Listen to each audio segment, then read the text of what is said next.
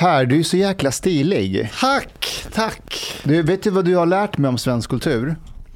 Ehm, jag har ju lärt mig att i Sverige så frågar man inte vad, man röst, vad någon röstar på, var de plockar svamp.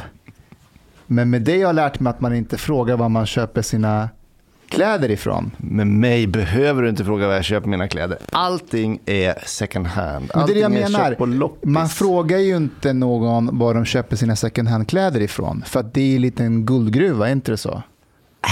Så här är det. Stockholm har x antal loppisar. Jag går på de flesta. Eh, Och säkert, eh, i synnerhet de som är i mina egna kvarter i Vasastan. Men varje söndag så är det dödsbohandlare som eh, säljer på Hötorgets loppis på morgnarna. Dit ska man gå. Om Nej. man är intresserad av grejer och gammalt junk och skit som jag är. Hur, hur, hur kom det här intresset till? Och som tonåring i Dalarna, Leksand, så började jag gå på loppisar för att eh, kanske klä mig lite annorlunda. Man var ju syntare eller hårdrockare på den där tiden och jag tillhörde syntkategorin och då skulle man gärna ha pressväck på brallorna och kavaj kanske snarare. Så det började i högstadiet kan vi säga. Men det, det är allt jag har på mig. Eh, och jag, ibland är jag väldigt stolt. Den här kavajen till exempel, den är från Nobel skrädderier som är specialiserade på uniformsskrädderier. Så det här är någon slags vad ska man säga, kaki eh, uniformskavaj från 60-talet eh, i något oförstörbart syntetmaterial som är underbart. Och den köpte jag för 50 spänn. Wow, du lyckas ju verkligen också Ja. fynda dem. Men allt jag har på mig som sagt, utom hatten. På sommaren så har man ju stråhatt och de håller inte i så många år. Så att, och dessutom hade folk mindre huvuden för, för de åt sämre mat. Så att eh, det är svårt att hitta gamla hattar i rätt storlek och hållbara stråhattar är nästan omöjligt. Och underkläder hoppas jag. Och jag har så jävla dåliga kallingar. Jag önskar att det gick att köpa gamla. Men det går ju inte. Jag ser, på vägen in jag rättade till liksom. Sitter alla ungdomar och kissar idag? Ni som alltid pratar om underlivet i er podd. Sitter alla och kissar idag? Måste- För- för På min tid så köpte man kallingar med gylf. Liksom. Och idag är det nästan omöjligt att hitta. Och finns det med gylf, då eh, sitter den fel. Jag måste erkänna att jag sitter ner när jag pissar. Det här är liksom emaskuliniseringen av det västerländska samhället. Jo, jag vet. Men, men, men, men, det, men det är mest på natten. Jag går upp och pissar på natten, typ minst en gång. Va? För jag dricker så mycket vatten på dagarna. Och, och, men när, när, när, du vet när man går upp, Alltså om- vänta, om, om du går upp minst en gång varje natt så dricker Ja. du för mycket vatten. ja jag vet, jag vet. Men hur som helst, Det är Eh, typ 90-åringar som du vill ju så. inte tända, du vill inte tända lampan. För då vaknar man ju till. Så då kan man inte stå i mörkret och sikta. Då är det mycket enklare att sätta sig ner. Men jag brukar stå upp när jag, skit, när jag skiter. Du, du, vet Alltså, att det du, vet att det är ett skällsord för killar som sitter ner och kissar? Alltså- jag vet, men Men du Per, jag tänkte fråga... Sittkissare, Ja, ett skällsord? Jag brukar säga det istället för liberal. Sittkissare, ja men samma sak. Ja, okay. Men på tal om eh, ideologi och sådär, det här, det så här second hand-grejer, är det någon ideologisk inriktning? Är det av ideologiska skäl som du handlar second hand? Nej, många säger ju det och det kanske är trendigt nu för tiden att man ska göra det på grund av återvinningsskäl och sådär. Och, och det är klart att jag är ju glad om jag hittar grejer som håller länge för det är bra. Eh, Men, men det är inte därför jag gör det utan idén för mig är ju som alla människor eller kanske främ, framförallt barn då, eh, man, man har skattjakt. Det är samma sak som driver en människa tror jag att hålla på med fiske väldigt mycket. Att man drömmer om den där stora fisken eller plocka svamp för den delen. Någonstans finns det där jävla kantarellbeståndet. Om jag kan hitta Vet det. du, jag är en riktig, jag är en riktig flipfloppare när det gäller saker. Jag kan hata någonting hela mitt liv, men om någon säljer in det på rätt sätt så ändras hela min uppfattning om det.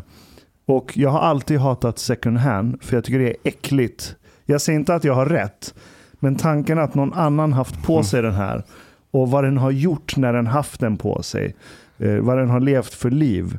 Och sen- Riktigt bra loppisar luktar ju lungsjuk gammal gubbe och man får stå och rota Exakt. och det känns på hela kroppen. Jag man får skamduscha när man kommer Jag hem. hatar liksom. den där lukten. Ja, jag förstår. Men eh, sen på se- senare år har jag lärt mig uppskatta loppis när det gäller, inte kläder men saker.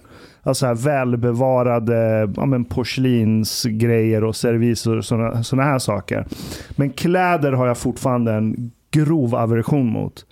Men nu när du lägger upp det som skattjakt, I kinda get it. Ja, och, och, och det finns en kulturell dimension här. Eh, Jag märker ju det på mina polare som kommer från andra länder, kanske man kommer från öst. Paulina, en av mina bästa kompisar, Neuding, då, hon, hon hatar ju allt som är second hand. Liksom. Därför att jag tror att det symboliserar någon slags fattigdom eller någonting som man kanske inte i Sverige kan relatera till.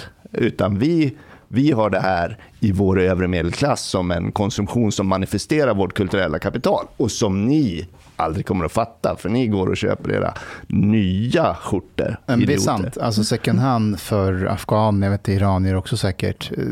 Det, det går man inte på. För att det, det är fattighetsfasoner. Jag tror det ligger jävligt mycket i det. Eftersom vi kommer från fattigdom så det, det går inte liksom falla tillbaka till det. Fast, eh, fast jag måste berätta att jag eh, har ju växt upp hos en svensk familj och eh, det var en av aktiviteterna som jag gjorde gärna med min eh, svenska mamma Kristina.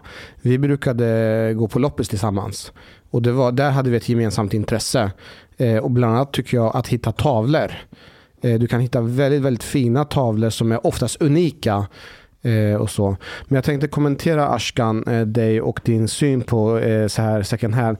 Här sipprar ju fram den här elitistiska Ashkan. Du ser ner på andra människor bara för att någon annan har haft några andra kläder. Du ser ner på alla och det är därför du inte vill befatta dig med de människorna. Men jag tänkte, hur gör du när du är på restaurang och äter? Tänker på att besticken är faktiskt andra människor som använt besticken och de har tagit de här besticken och stoppat det i mun. Ja, men vet du, bestick det är metall förhoppningsvis. Du kan liksom, eh, du kan ånga skiten ur den och så ryker allting. All historia är borta. Men jag har tänkt på på hotell, hotell då, när du, så, när, du, när du tar in på ett hotell. Har du tänkt hur många personer som har legat och fläckar överallt? Liksom allt, alltså all, liksom alla fläckar, allting, all historia i den här sängen. Har det, du är tänkt på där, det? det är därför jag bara bor femstjärnigt och låtsas som att de bränner allt efter en användning Du bor, på fem, du bor på femstjärnigt för att du är elitistisk och du tänker att om de har haft sex, det är personer som har varit välställda och haft gott för sig. Exakt. Det är människor jag ser upp till. Ja, exakt. Jag, jag har ju träffat dina barn Per. Eh, får man fråga hur gamla de är nu? Eh, Kalle är 10, Stina är 9 och Emmy är 6. Det är första skoldagen imorgon för Emmy, stor dag. Ja, Mäktigt. grattis. Men eh, de, de är också otroligt stiliga. Nej men på riktigt, jag har aldrig träffat någon med stiligare Ja, men det är barn. för att jag har haft chansen att, att, att pracka på dem mina eh, preferenser. Och just nu så försvinner det där allt mer. Eh, minstingen har jag fortfarande lite chans att sätta på en fin klänning då och då, men de andra allt svårare. Och grabben, Kalle, han vill gärna ställa sig in och vara som farsan ibland. Och han sätter på sig en oljerock om jag har hittat en sån åt honom när han ska gå ut och gå i skogen. Men, men eh, det blir allt svårare.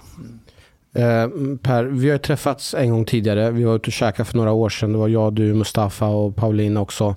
Och du berättade en berättelse för mig eh, som har etsat sig fast. Nej. Ja, faktiskt. Eh, och jag tycker den är väldigt fin och genuin berättelse. Och eh, nu får du gärna korrigera mig, men du berättade att, eh, jag kommer inte ihåg vem av dina barn du var ute med på stan. Jag vet inte ifall ni hade nyligen flyttat också till Östermalm eller vart det var någonstans. Så du berättade du som den här duktiga fina pappan du är. Att eh, du ska liksom berätta för alla faror som finns runt omkring och så. Och när du var där med din son eller dotter så var det någon gång så var det, tror jag att eh, sonen kanske sa, men pappa vem är det där? Titta där. Ja, men eh, honom ska du akta dig för. Eh, eh, var försiktig, det, det där är en uteliggare. Man vet aldrig vad som kan eh, hända och så. Ja, sa din son. Och sen nästa gång så var ni ute och gick med sonen. Eh, så var det samma sak där igen. Det var någon som tiggde eller någonting. Eh, och, och du berättade för sonen att, ja, men, att personen skulle akta sig och sådär. Och sen en tredje gång berättade du att, jag tror det var sonen som sa Pappa titta där, titta där, där är en sån igen. Och du bara, nej vad i helvete? För det var en svart person den hade pekat på. Och så sa fuck vad är det här? Jag försöker lära alla bra grejer till min son och ändå så blir det fel. Ja, exakt. Eh, Det var i princip sådär. Ja. Eh, Så du, du fattar, eller du återger det i princip rätt. Eh, Jag försöker ju hela tiden lära ungarna att manövrera rätt i samhället. Och, och, och, och, för barnen är det viktigt att, ha en hygglig koll på vilka som är bovar och inte. Eh, Och, och, och de ser ju ett mönster som jag försöker undvika då när jag berättar för honom. Eh, och, och, och, och han, han eh, gjorde den misstaget att tro att, då, att, att det var liksom alla invandrare eller alla svarta. Som, som, det, det, det mönstret hade utkristalliserats för honom fast jag kanske hade pekat på de där plankade in över tunnelbanespärrarna. Såg du det? Och de där som står där borta, de dealar hasch. Eh, och, och, och han hade gjort den kopplingen, Eh, inte jag. Så att säga. För mig så blir det så tydligt hur vi i, i vårt samhälle och samtid försöker på ett intellektuellt sätt förklara för våra barn och alla runt omkring om diverse olika faror men hur vi människor innerst inne är så jävla primitiva så att vi liksom associerar utseende, att hur man ser ut och sådana faktorer på fara. Och för mig är det bara, det här är det ultimata tecknet på att vi är kodade, människan är inte så sofistikerat kodad. Så vi tar in faror utifrån yttre, eh, yttre attribut. Och om vi hade bara med oss det i olika samtal så skulle vi slippa vara så jävla skitnödiga. Häromdagen så var det ju ett stort bråk på internet. Då var det Jörgen Wittfeldt, redaktören på Kvartal, va, eh, förra Sveriges Radio-intervjuaren, som skrev om att han hade känt stress när han varit och käkat pizza för det satt någon i mjukisbyxor och Adidas-tröja eller någonting sånt. Va? Är det så debatten började? Som, som, han då, som, han då, eh, som han då hade. Men alla tolkade detta underförstått som att någonting. Människan är precis, precis som du säger, tror jag, vi är så begränsade i vår uppfattning av världen att vi måste fatta snabba beslut bes, beroende på ytliga bedömningar. Och, och då faller vi ner på ganska enkla kategorier. Svart och vitt. Liksom. Så är det. Och, och jag vet inte hur man kommer runt det. Eh, det brottas man ju varje dag med. Men jag tror att det som händer nu det är att bara det att du tar upp det som Jörgen Wittfeldt gjorde på Twitter så är det som att nej, du, får- du får inte ens tänka den tanken. Och han säger ju själv i den twittern att ja, men jag kanske är helt ute och cyklar, men jag tror att många gemenes, alltså svenskar kan börja känna så nu i framtiden när tredje man skadas allt mer ute i det offentliga. Och vad gör vi då om fler och fler, fler känner så? Men det är som att debatten från andra sidan blir att nej, men håll käften. Ta inte ens upp det i offentligheten. Alltså, att du ens har tänkt de tankarna är ett stort problem. Men skrev inte ni om det i Lilla landet som kunde? Det var väl någon tjej som var på väg hem och så var det ett invandrargäng och hon hade lärt sig att man ska inte ha fördomar. Ja. Och så det hände någonting. Ja, ja fick precis. Det, och det här är en berättelse från en polis, en, en vän till mig, som, som berättar att han hade varit på en våldtäkt på, på, för att hållas förhör med henne på sjukhuset. Då. Och hon hade gått ut eh, liksom i skogen eh, på väg hem efter någon fest. Så ser hon ett gäng invandrarkillar. Och allt i hennes kropp säger att Nej, men ta en annan väg. Gå inte dit för att någonting stämmer inte här. Och, eh, men då börjar hon tänka på sin eh, lärare på skolan eh, som har sagt till henne eh, och hela klassen att varje gång man ser ett gäng invandrarkillar så ska man tänka att de är lika ofarliga som ett gäng gamla svenska tanter. Eh, Och när hon tänker det så får hon jättedåligt samvete att hon ens hade tänkt att de här killarna är farliga. Och så går hon genom liksom, skogen eller deras väg och så blir hon gruppvåldtagen. Eh, och nej men det är någonting som är perverst i, i det här. Eh, för att det är klart att risken att bli utsatt för något sånt är väldigt, väldigt liten. Men om du är i en sån situation och allt i din kropp säger nej, det, det är något som är fara här, gör inte det. Du, må, alltså, du måste lyssna på, dina, på din magkänsla, på din intuition. Sen kan du gå hem när du är trygg och ha dåligt samvete över att fan jag kanske hade fel, de kanske var helt trevliga killar, men jag är inte där nu. Nu är jag hemma och är trygg. Ha dåligt samvete när du är i trygghet. Ha inte dåligt samvete när du är mitt uppe i någonting som kan vara en fara, för din kropp är ju tränad sedan tusentals års DNA att skydda dig från fara. Sen om det är fara eller inte, det är en annan fråga. Men för man kan inte bortse från sin Men i, i, i, men i Sverige snackar vi ju inte så mycket, utan vi är ju en, en ganska tystlåten kultur.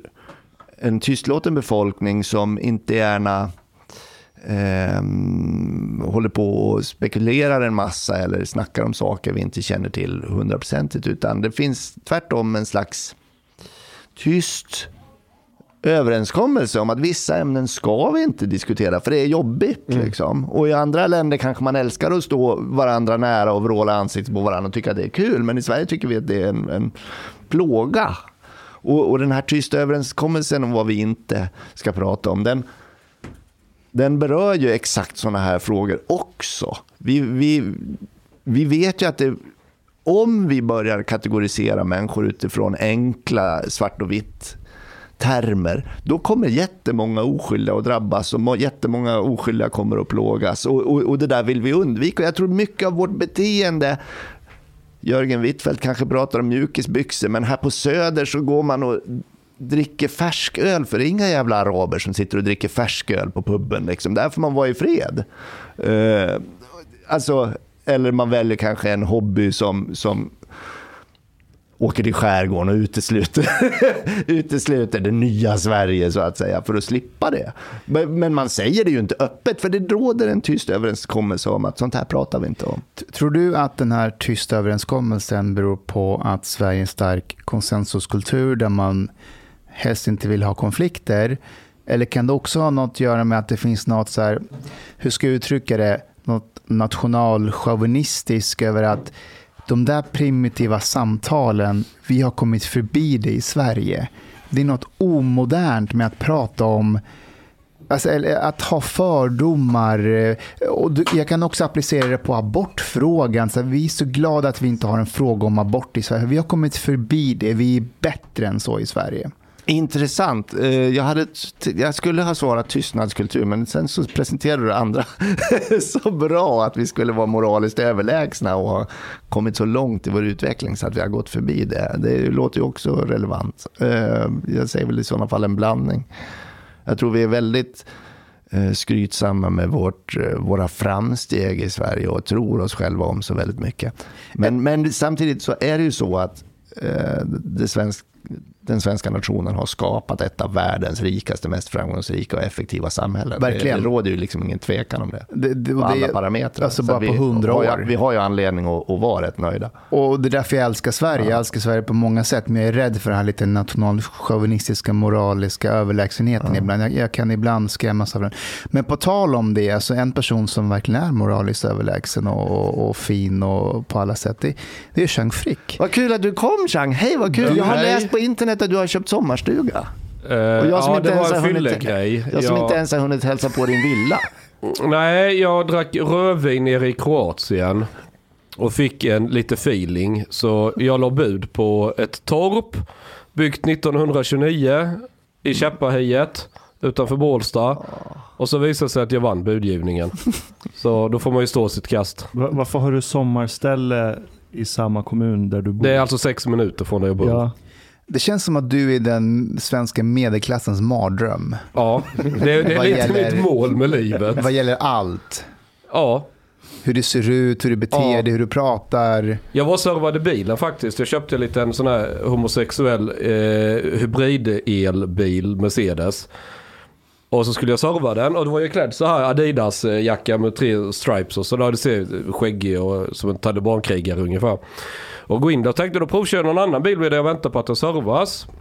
Och så sa jag till säljaren då att det är viktigt att den matchar eh, kostymen jag har ju. Alltså du är så jävla babbe känner jag. Okej. Jörgen Wittfeldt skulle vara skiträdd att se dig. Ja, alltså jag har ju mjukisbyxor och Adidas-dressen så här. Så det, ja, men Och du klär ju inte så här för att du vill det, utan du vill ju bara matcha in och vara någonting som du inte är. En Alltså, jag, jag ska vara helt ärlig. Att jag börjar med mjukisbrallor det är för att jag springer väldigt mycket i verkstaden och skruvar med min raggarbil. Och då, jag blir, alltså det blir så jävla skitig. Mm. Men det syns inte lika mycket på svarta mjukisbyxor som om jag har jeans. Ja, sen är det väl också en romsk folkdräkt. Det är också. Vet- Vet du hur man ser att en jugoslav gifter sig?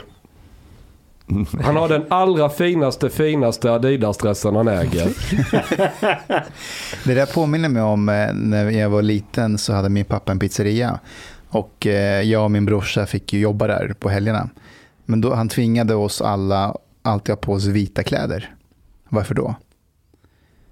Nej, För när du bakar pizzor så kommer det mjöl på kläderna och då syns det. det syns ju inte om du har på dig vita kläder. Nej. Men har du svarta så blir det bara... Allting, ja det blir, det blir grått. Så nu är jag hemmansägare snart. Grattis. Jag ska betala den också.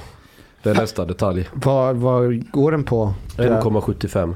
Okej. Men det är 3000 kvadratmeter tomt. Så jag betalar under 600 kronor per kvadrat i Storstockholmsområdet. Det är Ja, det jävligt blir kul. bra. Det Det är bra pris. Vad ska du göra på de 3000 kvadratmeterna då?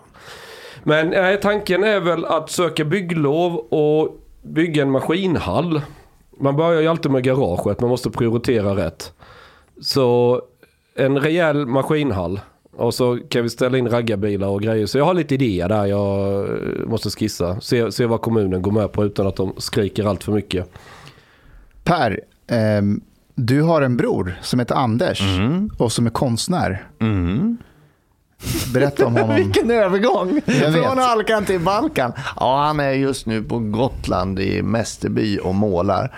Eh, Han står där i ett dike och målar eh, olja, eh, naturmåleri, landskapsmåleri. Samma jävla dike om och om, och om igen. Eh, Bilderna tar 30 minuter för sen har molnen förflyttat sig. Och så är det dags för nästa och nästa och nästa. På vintrarna när eh, han inte har dagsljus, då sitter han i sin eh, ateljé i Björkhagen och och målar stillebenmåleri. Det är lika mycket arkeologi egentligen, eller hantverkstradition från 1600-talet som, ehm, som det egentligen är fråga om bildkonst.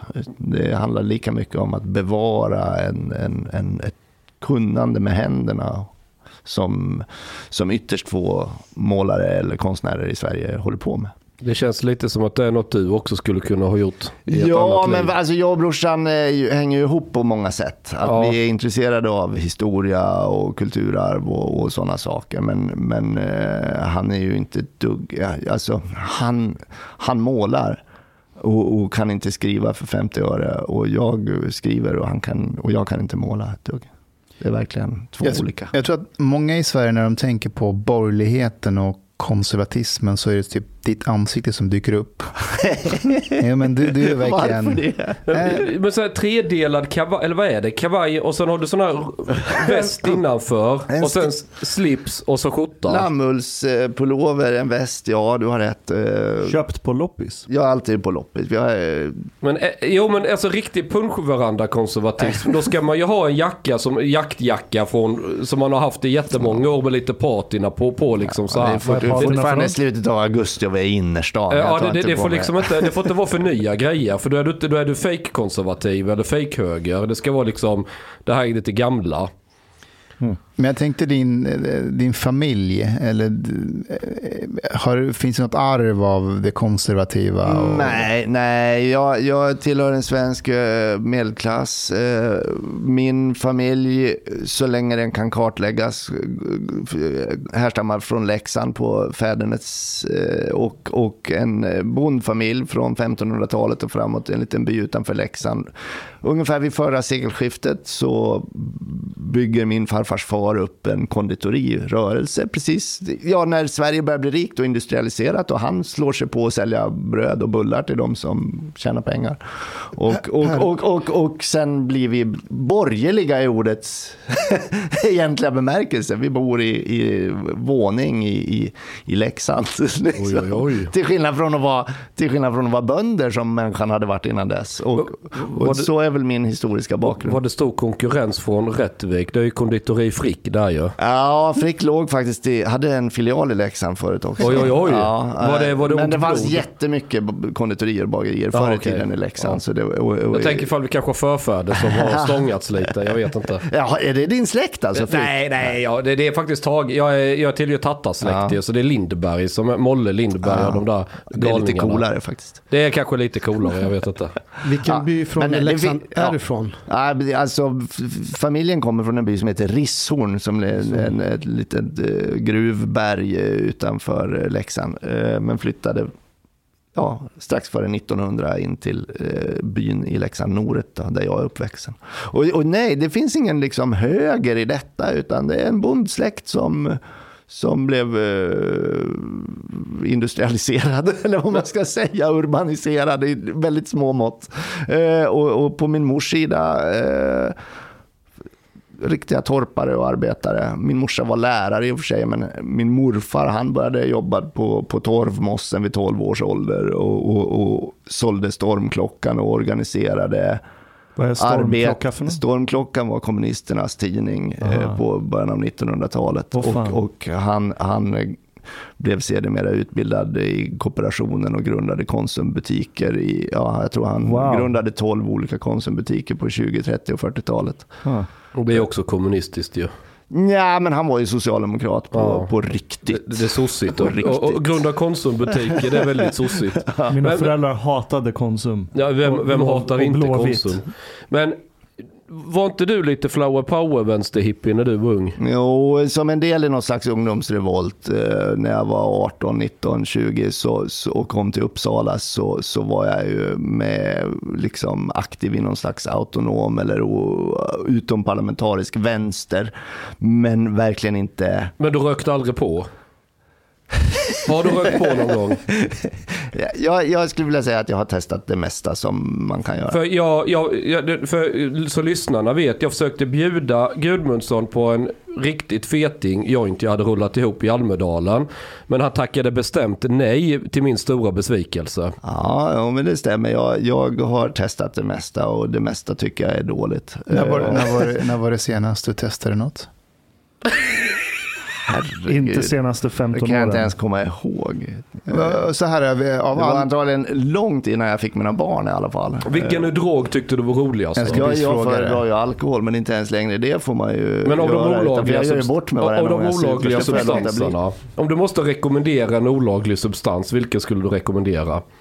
Eh, jag rekommenderar nog inga olagliga substanser. Eh, jag tycker, ja, alltså jag... eh, du är jag, för- du är lite jag för fick inte någon, borgerlig. Jag fick inte eh, något bra. Alltså, för mig var det ju ett sätt att, att fatta vad var 68? Va- Varför har vi psykedelisk konst? Varför låter musiken som ni gör? Varför ser filmen ut som ni gör? All den kultur som jag tycker var cool ingår ju att röka på eller testa syra eller och så Såklart. vidare. Ja. Käka svamp. Allt det där måste man ju, för att kunna haja, måste man ju kanske försöka ge sig på det. Men, men, men jag, jag har inte fått ut något av det. alltså, men- men vad så det har inte funnits någon idé för mig att, att fortsätta. För, för sen blev du ju höger. Kan, kan det vara att du, syran. kan det vara, jag, har- jag har teori. Kan det vara så att drogerna inte funkade på dig? Så då gav du upp vänstern och blev höger istället? Nej, nej, förlåt. Alltså bortsett då, om, om, vi, om vi tar det där med att jag då var en vänster, i lös bemärkelse, någon slags vänster och ockupera hus och sånt där på 80-talet så, och, och sen blev höger. Jag, jag tänker mig att det var 2001, sent alltså, sent i mitt liv. Jag var fan över 30, nästan 40 år. Och, och eh, då var 9-11 och då var Göteborgskravallerna samma år. Under Göteborgskravallerna såg jag hur, jag var inte där själv, men jag såg på tv hur de jag betraktade som mina vänner faktiskt försökte döda poliser med att kasta gatustenar. Med, med liksom, det var på riktigt, de försökte verkligen döda. Det var inte någon fredlig utom, det var inte någon frihetlig socialism, utan det var, det var naket våld. Och så sen 11 september samma år, de jag betraktade som mina vänner sa att ja, men det var rätt åt USA. Det här, Talibanerna, they, had, eller? they had it coming, liksom, tyckte den svenska vänstern. Och där någonstans gled jag över. Det är ett sätt att se på det och så har jag tänkt på det själv.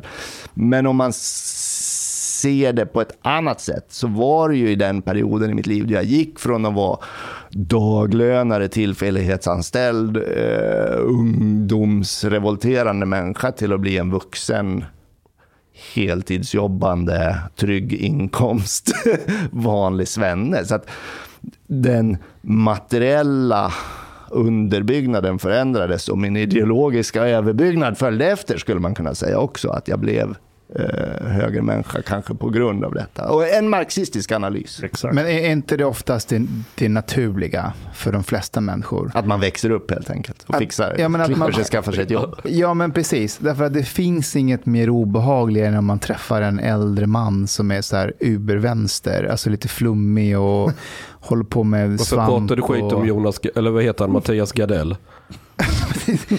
Jag brukar faktiskt springa på honom på Söder. Han brukar gå där med sin käpp. Men jag vet inte om det var... Nej, men förstår du vad jag menar? Det är någonting med att man... Nej, jag tycker det inte är obehagligt. Jag tycker det är kul att folk tycker olika. Jag brukar oftast tycka det är roligt att träffa människor eh, som tycker annorlunda. Så länge man inte bara rackar ner på varandra. Jo, nej, men det, det är en skillnad på Jonas Sjöstedt som är proper och tar ansvar och, och sådär. Men om du träffar en, eh, en medelålders man som inte har vuxit upp, som bara liksom, har någon flower power Ja, men det bild. finns ju crustpunkare som, är fort, som jag har känt sedan 80-talet som fortfarande är det. Jag tycker det är helt okej. Jag har inget emot det. Jag är liksom för att folk är olika. Det Du, det du är en av de få svenskarna som gillar olika. Nej, men jag säger inte att jag vill, jag säger inte att jag vill bo med crustpunkare, men, men, men, men det är inte mitt eh, stora huvudbry här i livet att det existerar. Nej, nej, det är klart. Men jag, jag, jag tar hellre en öl med sådana som dig än sådana som dem. Jag tänker när den här personen du beskriver, det är ju Chang egentligen. Nej, det är inte Chang. För Chang driver företag, två stycken. Och han, han låtsas vara en latmask, men det är han ju inte. Han jobbar ju hårdare än någon annan. Jag tar inte en öl med någon som inte är exakt som mig. Ja, men jag behöver, du jag behöver bli svensk. Men jag, jag, Mus- Jag vill Mustafa, inte olika. inte olika. Jag gillar inte olika. Mustafa, hur mår du egentligen? Nej, men, eh, sluta skratta, jag menar allvar. Nej, men jag, eh, eh, jag har varit lite bekymrad, eh, som alltid. Jag har haft lite dåliga... Nej, men på riktigt, jag har varit orolig. Eh, och, nej, men, eh, framförallt de senaste händelserna som sker i Afghanistan. Har, ni har ju sett de här bilderna på alla liksom, eh, Flygplatsen. på flygplatsen när det är afghaner som springer mot den här stora eh, Air Force-flygplanet och hoppar på den. Klamrar sig Klamrar fast sig vid fast. hjulen Ja. och faller handlöst i döden Ja. när hjulen fälls in. Det är så grymma bilder. Det är helt surrealistiskt. Det får mig, jag får så här flashback till 9-11 när det var människor som föll från de här skyskraporna. Och jag tänkte, fuck vad är det som händer i Afghanistan? Och då tänker jag på min vän Mustafa som är afghan. Och jag tänker, om jag känner som jag känner, hur känner Mustafa då? Mm. Äntligen. Jag satt just och funderade på, här vi sitter och snackar om Sverige när Afghanistan verkligen är världens Hur mår centrum. du Mustafa? Eh, Men, eh, Nej, Sluta skratta, jag Nej, menar men jag har ju, jag har ju äh, släktingar i Kabul. Eh, Från mammas sida så har jag kusiner, mostrar, eh, morbröder.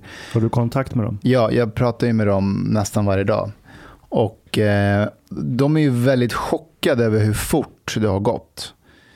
För när jag pratat med dem, till exempel bara i förr, förrgår, så sa de att ja, men de kommer inte komma till Kabul som det ser ut nu. Utan det kommer ta lång tid, men de kommer kanske komma hit. Sen bara dagen efter så var de i Kabul i princip. Ehm, de har barrikaderat sig hemma, de går inte ut. Eh, för de, de vågar inte. Ehm, Sen började, beroende på vem jag pratade med, men en kusin jag pratade med sa att ja, nej, men vi, får, vi, vi- kan ju inte fly för att de är så många och de vill inte lämna någon efter sig. Ska de fly så måste alla fly, tänker de. Eh, men han sa att vi, vi börjar förbereda oss inför ett liv med talibaner. Så alla kvinnor kommer vara inne. Eh, det blir inga mer jeans och t-shirts, det blir traditionella afghanska kläder. Eh, skägget måste vi låta växa. Min morbror är läkare och han sa att jag, jag kommer ju fortsätta få jobba som vanligt. Men min fru och mina döttrar kommer inte få gå ut på samma sätt. Så de börjar av så här pragmatiska skäl förbereda sig inför eh, ett sånt liv. Och, men de är samtidigt väldigt tagna över alltså hur fort det har gått. Och det det går inte att hitta en part och säga att det är deras fel. Därför att så som väst har lämnat, det är under all kritik. Men den afghanska regeringen och korruptionen och armén, det var ju ett luftslott. Alltså, så stridsmoralen, eh, ja, det, det var inte att talibanerna var så jävla duktiga, duktiga det var ju att de, det, det blev ingen fight. De bara la ner sina vapen och gick över till, till andra sidan. Och talibanerna har nu gett någon allmän amnesti till för detta pol, eller polischefer under regeringen att ni får vara kvar, men ni jobbar för oss nu. Och de har gått med på det. Så äh, mina kusiner och mostrar de är, de är väldigt chockade och väldigt ledsna. Hur, hur, känns det för, hur känns det för dig att se alla de här berättelserna och scenerna och så? Nej, men det är, alltså det är jobbigt och, och du vet, man tänker så här. Men du vet, det låter lite klyschigt som en... Jag fick chansen att komma hit. Mm. Det, det får ju inte de. De får Mm. vara kvar där. För att min pappa lyckades hitta ett sätt att ta sig hit, men de lyckades inte ett sätt Mm. att ta sig. Så jag blir bara mer typ, ja, var tacksam över det jag har och mm, njuta av det som Sverige erbjuder och sådär. Men det får inte de. Vad tror du? Hade det kunnat gå på något annat sätt? Nej, alltså de har ju fått 20 år på sig ändå att fixa en duglig regering och dugliga soldater. Och det har uppenbarligen inte fungerat utan man har varit beroende av väst för att kunna hantera talibanerna. Ehm, jag menar, så här, fem år till, eh, tio år till, jag, jag tror inte det. Men är det inte lite så att de som faktiskt har lite motivation och moral och vill göra någonting. Det är de som söker sig till talibanerna och det som var kvar och bygga någon slags regering av. Det var typ skräpfolket. Lite så tyvärr. Och så hade man liksom en, eh, som sagt ett luftslott av försvar. Man, det kom ju fram under åren att vi hade en massa spöksoldater inom armén. Alltså soldater som USA betalade för, men som inte fanns. Men för att det är ett så jäkla korrupt land. Alltså, jag vet inte om ni såg det, men presidenten lämnade ju i helikopter till Tadzjikistan. Mm. Och eh, nu har det kommit fram att han hade så mycket pengar Fick inte plats med allt. så helikoptern kunde inte lyfta för att det var så mycket pengar han försökte lasta. Så han fick Mhm. lämna pengar på asfalten utanför palatset. Och, och så Är det dollar då eller? Ja, det är klart det är dollar. Man skulle ju kunna föreställa sig, ur ett svenskt perspektiv, så skulle man kunna föreställa sig 20 år är tillräckligt för att bygga upp en värnpliktsarmé för att sopa mattan med, med, med talibanerna och, och eh, bygga upp en stabilitet och säkerhet i landet. Men det kräver ju att det finns någon som faktiskt tror på det där abstrakta att slåss för. Exakt. Men om man inte tror på nationalstaten eller afghanska regeringen eller vad man nu ska tro på så kanske man inte är red- redo att ta en kula. Men ni har ju Och, eh, 40 men, men, det var någon som skrev på internet, jag tyckte det var så snyggt formulerat, att, att, att, en, att, en, Afghanistans befolkning ska, ska, ska ta upp vapen för regeringen. Det är lika abstrakt som att en svensk skulle ta en kula för OECD. Alltså, det, af, den afghanska statsbildningen är så konstruerad så att den, Ja, men det är den, 40 den har ingen etniciteter i legitimitet. det landet. Mm. Där du har en väldigt decentraliserad maktstruktur med klanledare och whatnot. Ja, alltså, eh, och det här... Afghaner behöver bli bättre på den här självkritiken Mm. och alltså se sig själva i spegeln. Som sagt, det finns mycket skit att säga om väst och deras sätt att hantera det, men vi kommer inte överens med varandra. Mm. Det, det är fyra stora etniska grupper, hazarer, tajiker, uzbeker, pashtuner. Sen finns det 40 olika små vid sidan om. Och vi har inte kommit överens med varandra i så många år och de konflikterna har bara eskalerat mer med åren. Så det, fin- det finns inte ett Afghanistan. Så, till och med när någon säger så här, där är en afghan. Så det finns afghaner som bara, vadå afghan? Vad är en afghan? Jag är hazarer. Mm. Jag är pashtuner. Det finns ingen afghan. President Biden skriver så här. American troops cannot and should not be fighting and dying in a war that Afghan forces are by and large not willing to fight and die in themselves. Och jag tycker hans argumentation är rätt så vettig. Att amerikanska trupper ska inte gå och kriga och dö när inte afghanerna själva är villiga att offra sig. Ja, men det finns en poäng i det. Alltså, Jag tyckte att han ställde några bra frågor på presskonferensen igår. Han sa att, eh, till amerikanerna, hur många fler amerikaner är ni villiga att offra? Alltså, hur, för, för ni vet, det sjuka med kriget där, det är att det finns soldater som åkte ner till Afghanistan för 20 år sedan. Deras barn har under åren också joinat, alltså de har fött barn och de har joinat med åren kriget med dem och åkt ner. Alltså det är svårt att ta in. Eh, Och han sa så hur många fler generationer vill ni att, att, att, vi, skick, att vi skickar in? En, en grej som slog mig, jag har kollat en dokumentär om när amerikanska soldater försöker träna upp eh, de här de har rekryterat. Är den där This is how winning is looks eller något sånt där heter Nej, det? nej, men man ser liksom, de ska bara så här stå och hoppa du vet och göra så här lite övningar. Just det, just det. Och de, Jumping jacks. De, de, de fixar inte det. Det ser, alltså det, det ser ut som ett gäng, eh, jag vet inte vad. Ja, men jag har sett en, det, det där är en Vice-dokumentär som heter This is how winning looks like. Eller något sånt. Ja, det, nej det var nog inte den. Men sen så en annan. Jag vet inte om det kommer från dokumentären. Men det var ett klipp på YouTube. Och då är det en, eh, om det är en brittisk eller amerikansk soldat. Och så vill den skäller på dem att säger att vi ska vara här 8.30 då är vi här 8.30. Då kommer vi inte liksom 45 minuter senare och har glömt hälften av utrustningen någonstans. Det var liksom hela tiden på den nivån. Alltså det var riktiga fuck-ups. Ja, tyvärr. Och han sa ett sånt här citat att om jag säger till dem att klockan 8.30 så kommer fienden släppa en bomb i huvudet på dig. Då kan du vara helt stensäker på att han sitter här klockan 8.29 fortfarande och dricker te. Det var liksom så här. men kan inte du förstå med tanke på att de har haft krig i generation Nej, nej, men de, de här människorna, det var lite, har ni sett det här Beavis and Butthead? Ja. Ja, alltså det var, det, det var den här typen av karaktärer. Det var precis som att ja, ja, de kanske skjuter ihjäl oss. Skit i det, rök på lite nu. För det var det de satt och, Det var soldater som ska träna skytte och du vet, öva sig och samarbeta allting. Men, men så fort de hade ryggen till, ja då sätter de sig och, och röker gräs. Alltså du ska samtidigt komma ihåg att ja, den afghanska arméns stridsmoral är under all kritik, men talibanerna som styrka är också afghaner och de har världens stridsmoral. Mujahedin under Sovjettiden när de lyckades få ut, alltså tänk dig Sovjet var inne där och några tusen Mujahedin körde ut dem, de gav upp. Så det finns en stridsmoral där under ytan någonstans, men de, man har haft svårt att väcka den till liv. Alltså att få den lojal mot en nationalstat.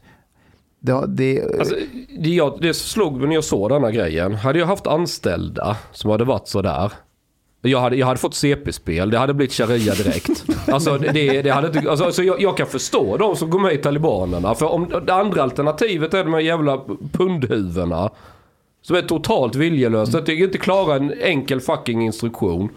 Det tog nio dagar för talibanerna från att den första provinshuvudstaden föll till att, till att Kabul föll. Och det, så snabbt kan det ju gå tack vare då att landet är så fragmentiserat så att alla väpnade styrkor som faktiskt ändå finns, de är lojala med sin krigsherre och så vidare.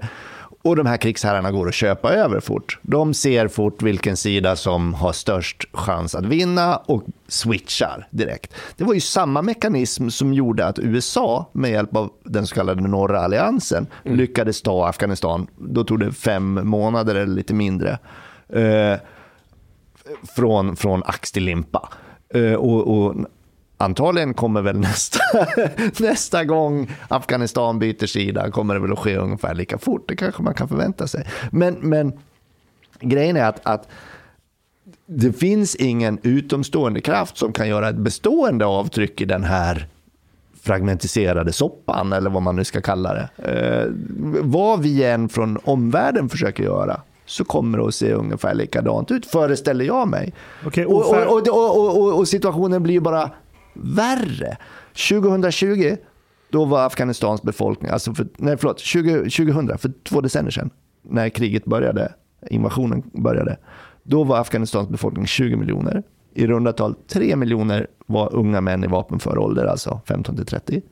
Idag är befolkningen ungefär 40 miljoner och det är ungefär 6 miljoner unga män i vapenför befolkning. 2050 säger FN att befolkningen kommer vara 65, kanske 75 miljoner. och ni kan ju tänka er att andelen unga män i vapenför ålder kommer att vara ännu högre. Eh, det är vad talibanerna har att rekrytera och krigsherrarna har att rekrytera ur ett ständigt ökande, en ständigt ökande pool av vapenföra män. Medans västvärlden då, eller omvärlden eller vilka det nu blir, eh, kämpar med en sjunkande stridsmoral hela tiden. Det var någon talibanledare som sa redan i inledningen av invasionen att ni har kulorna, vi har tiden. Men ni har. Jag, jag, tror inte, jag tror inte att, att, att amerikanerna förlorade mot talibanerna. Amerikanerna förlorade mot naturkrafter. Liksom. Det går inte att påverka detta. Nej men det är väl en allmän princip att du kan inte bomba fram demokrati. Skulle jag säga. Jo, det, det kunde du i Tyskland, det kunde du i Japan. Fast Eh, demokratin, är- bygger, Japan är en demokratin riktig fanns i demokrati. Tyskland innan. Det var bara att de hade lite otur när de röstade fram Hitler. Jag tror Donald Trump uttryckte det eh, när han bestämde att trupperna skulle, det var han som fattade beslut att trupperna skulle hem från USA. Det var inte Joe Biden, men Joe Biden som gjorde det här otroligt taffliga verkställandet. Eh, Men när Donald Trump berättade om sitt beslut, då var det just det att vi skulle kunna utplåna Afghanistan. Vi skulle kunna döda alla och då skulle vi kunna installera demokrati. Nej, det skulle kunna gå, men vi vill inte gå den vägen därför att det är fel helt enkelt. Jag har en eh, lekmannateori hur man ska göra. Eh, jag tänker att eh, alla länder runt omkring Afghanistan ska gå samman och ta ett gemensamt ansvar och få ta en del, alltså under en pro- provisorisk del så ska man få ansvara för en del som är närmast ens egen gräns. Och därifrån försöka stötta eh, befolkningen och så och försöka stötta så mycket som möjligt så att, och trycka bort talibanerna. Vad tror ni om den teorin? Ja, räkna upp de närliggande länderna. Pakistan, Och Iran. Indien, Det är ska de- länder som är Iran kända, också, för, Iran också. kända Ja. för sitt ansvarstagande. Nej, men det, de, jag tänker så att det, det måste de göra för att de har inget, måste- för att, för att de, Ja, de, det har, nej, men de måste. har inget Som val. De, svensk nej, nej, nej, nej, nej, de, blir, de tvungna att de, de, kolonisera. blir, de blir tvungna för att, eh, för, för så som det som, i min, jag, jag vet inte, jag, hittar, jag, liksom, jag kommer på egna teorier att det här är ju ett sätt att fucka upp alla gränsländer. För nu kommer ju Iran få ta emot så oerhört stora mängder nya eh, flyktingar. Och det kommer fucka upp Iran och därför så måste Iran svara upp. Men om de går samman allihopa och försöker jobba på någonting långsiktigt. För det är, det är väl ändå resultatet av det här att det kommer komma massor flyk, flyktingströmmar som kommer välla in mot Iran, mot Pakistan och andra. eh, Men vi har, ju, vi har ju en massa statliga rapporter som visar att vi tjänar jättemycket på invandring. Kan vi inte skicka dem till Iran så lugnar de ner sig? Titta här vad, vad, vad, vad bra det kommer gå. Men eh, så här, Eller är det teorin helt eh, jätte... det, det låter bra på pappret Hanif, men Ja. att de ska komma överens med varandra också.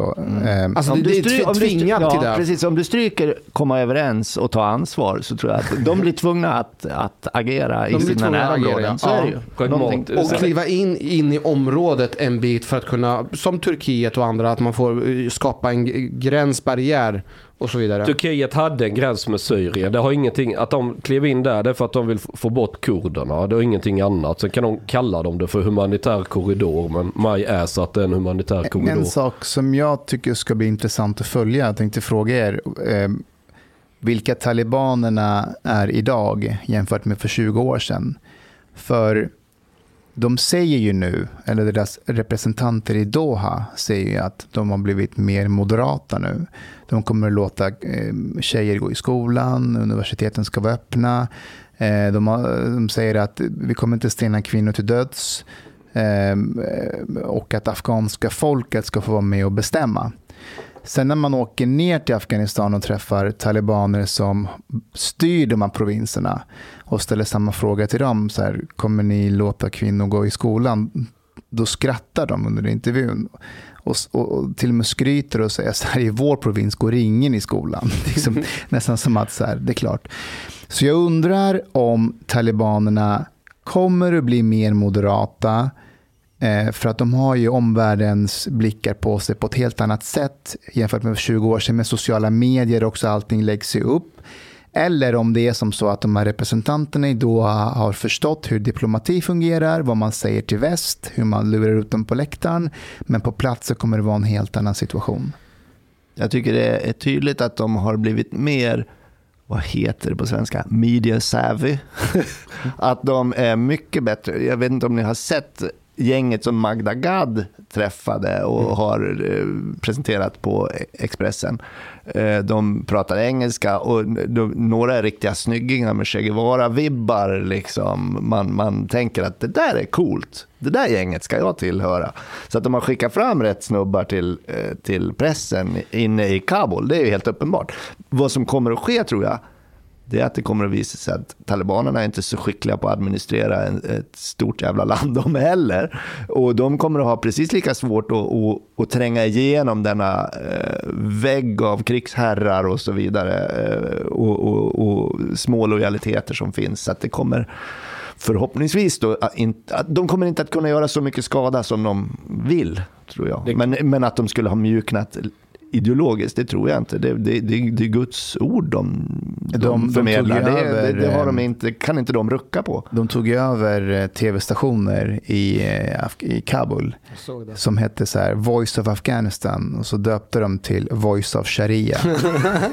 det är inget bra tecken kanske på mer Men, moderat. men jag, tror, jag tror att talibanerna kan gå samma öde till möte som sossarna i Sverige. Alltså att de regerar sönder sig själva. Mm. Alltså, för tänk när du ska... Alltså, jag lider på ett plan med talibanerna.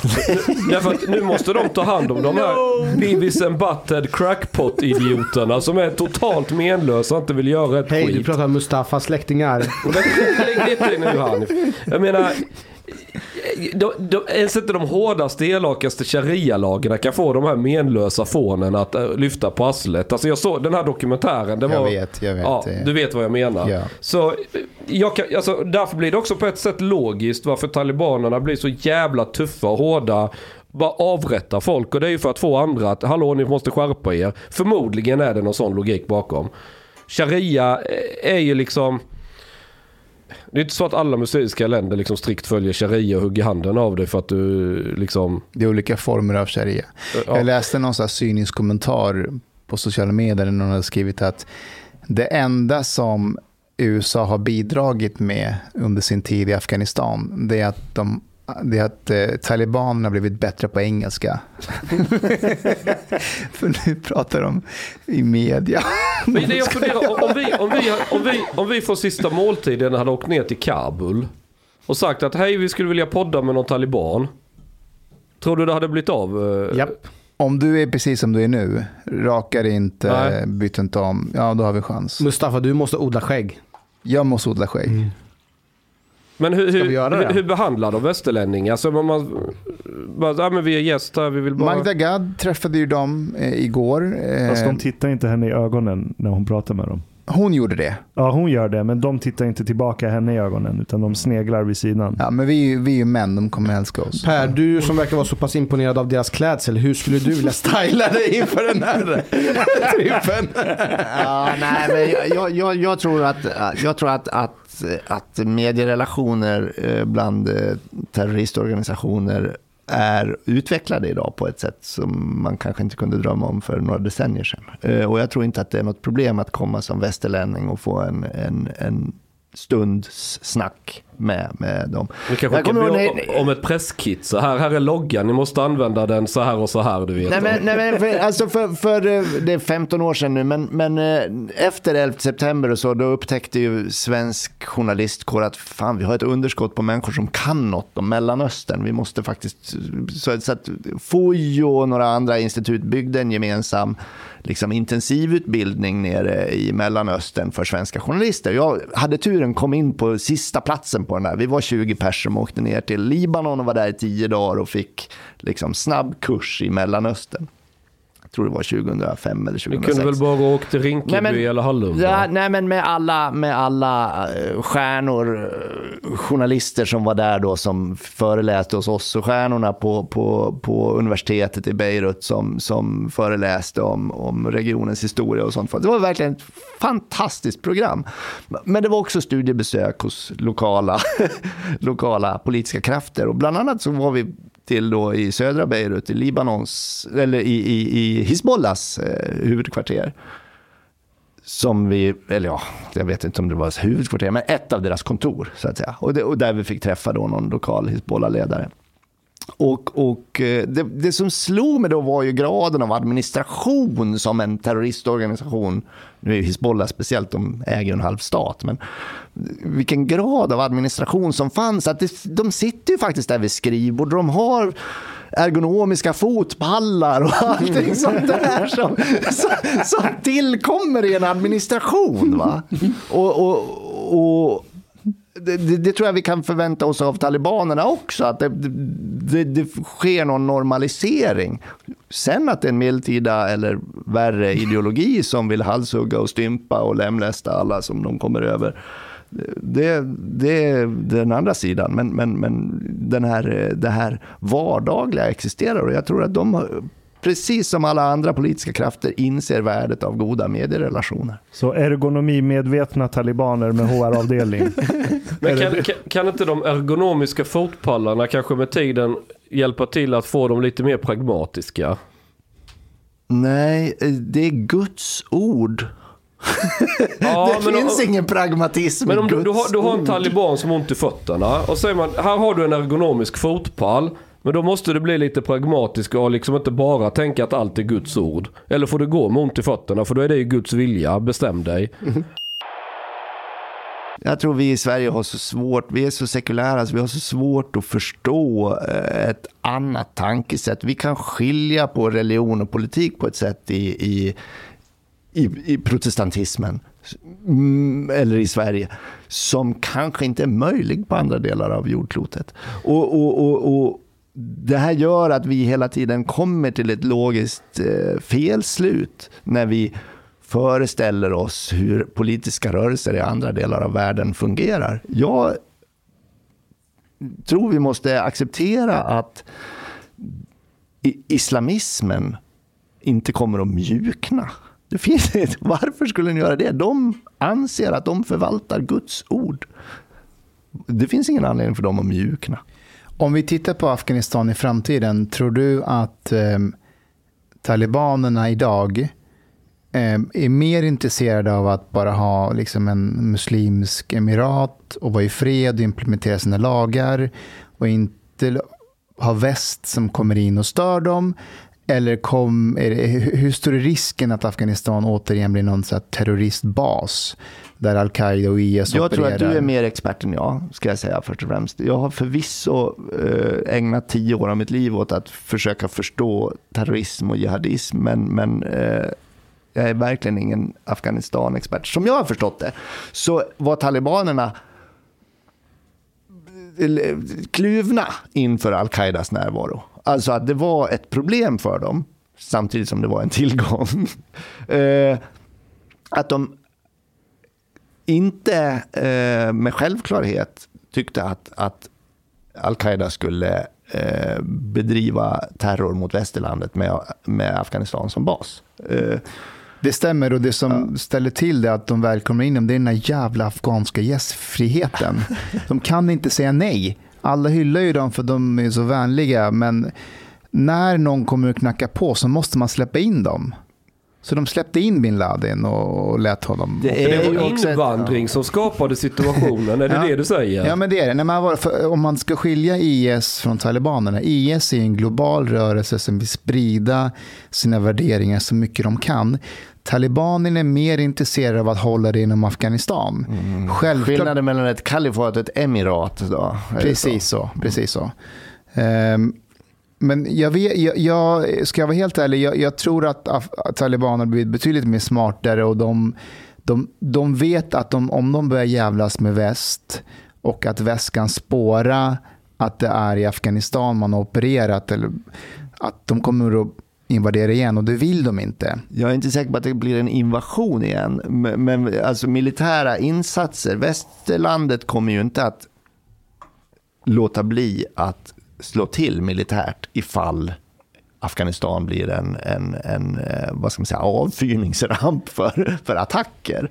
Eh, men invasion tror jag du inte kommer att se Nej. på, på men dess, tänker, många för, decennier. Men, men, men, men, men, men al-Qaida har haft närvaro i Afghanistan hela tiden. Det är inte så att de har försvunnit, men deras förmåga att, att iscensätta attacker mot väst har reducerats. Man Men säger- al-Qaida finns där och har Ja, funnits där hela fast tiden. frågan är hur många, man, man säger att det är ett hundratal, om ens ett hundratal, om det inte är under hundra som är där. Och att eh, talibanerna slåss ju med IS som territorium, de vill ju inte ha dem där, de vill operera själva. Men det jag tänker nu, nu när, nu när de lämnar, när väst har lämnat, fattar ni hur mycket vapen som väst har lämnat till den afghanska armén som nu talibanerna tar över och det är moderna vapen. Bilderna på internet som man har sett de senaste dygnen är ju helt skrämmande. Det är enorma arsenaler. Enorma What could arsenaler. possibly go wrong? Och det är liksom flygplan och allting. Ja. Vad är Kinas roll och incitament i det här? Kina har ju inte så mycket samvete, så jag tror att de kommer att hjälpa afghanerna att bygga infrastruktur som är lönsam för kineserna och hjälpa afghanerna att lösa problem eh, på allehanda sätt. Eh, Vad, vad vill Men jag tror- kineserna ha i utbyte? Jag vill bygga upp en sidenväg till väst. Med räls.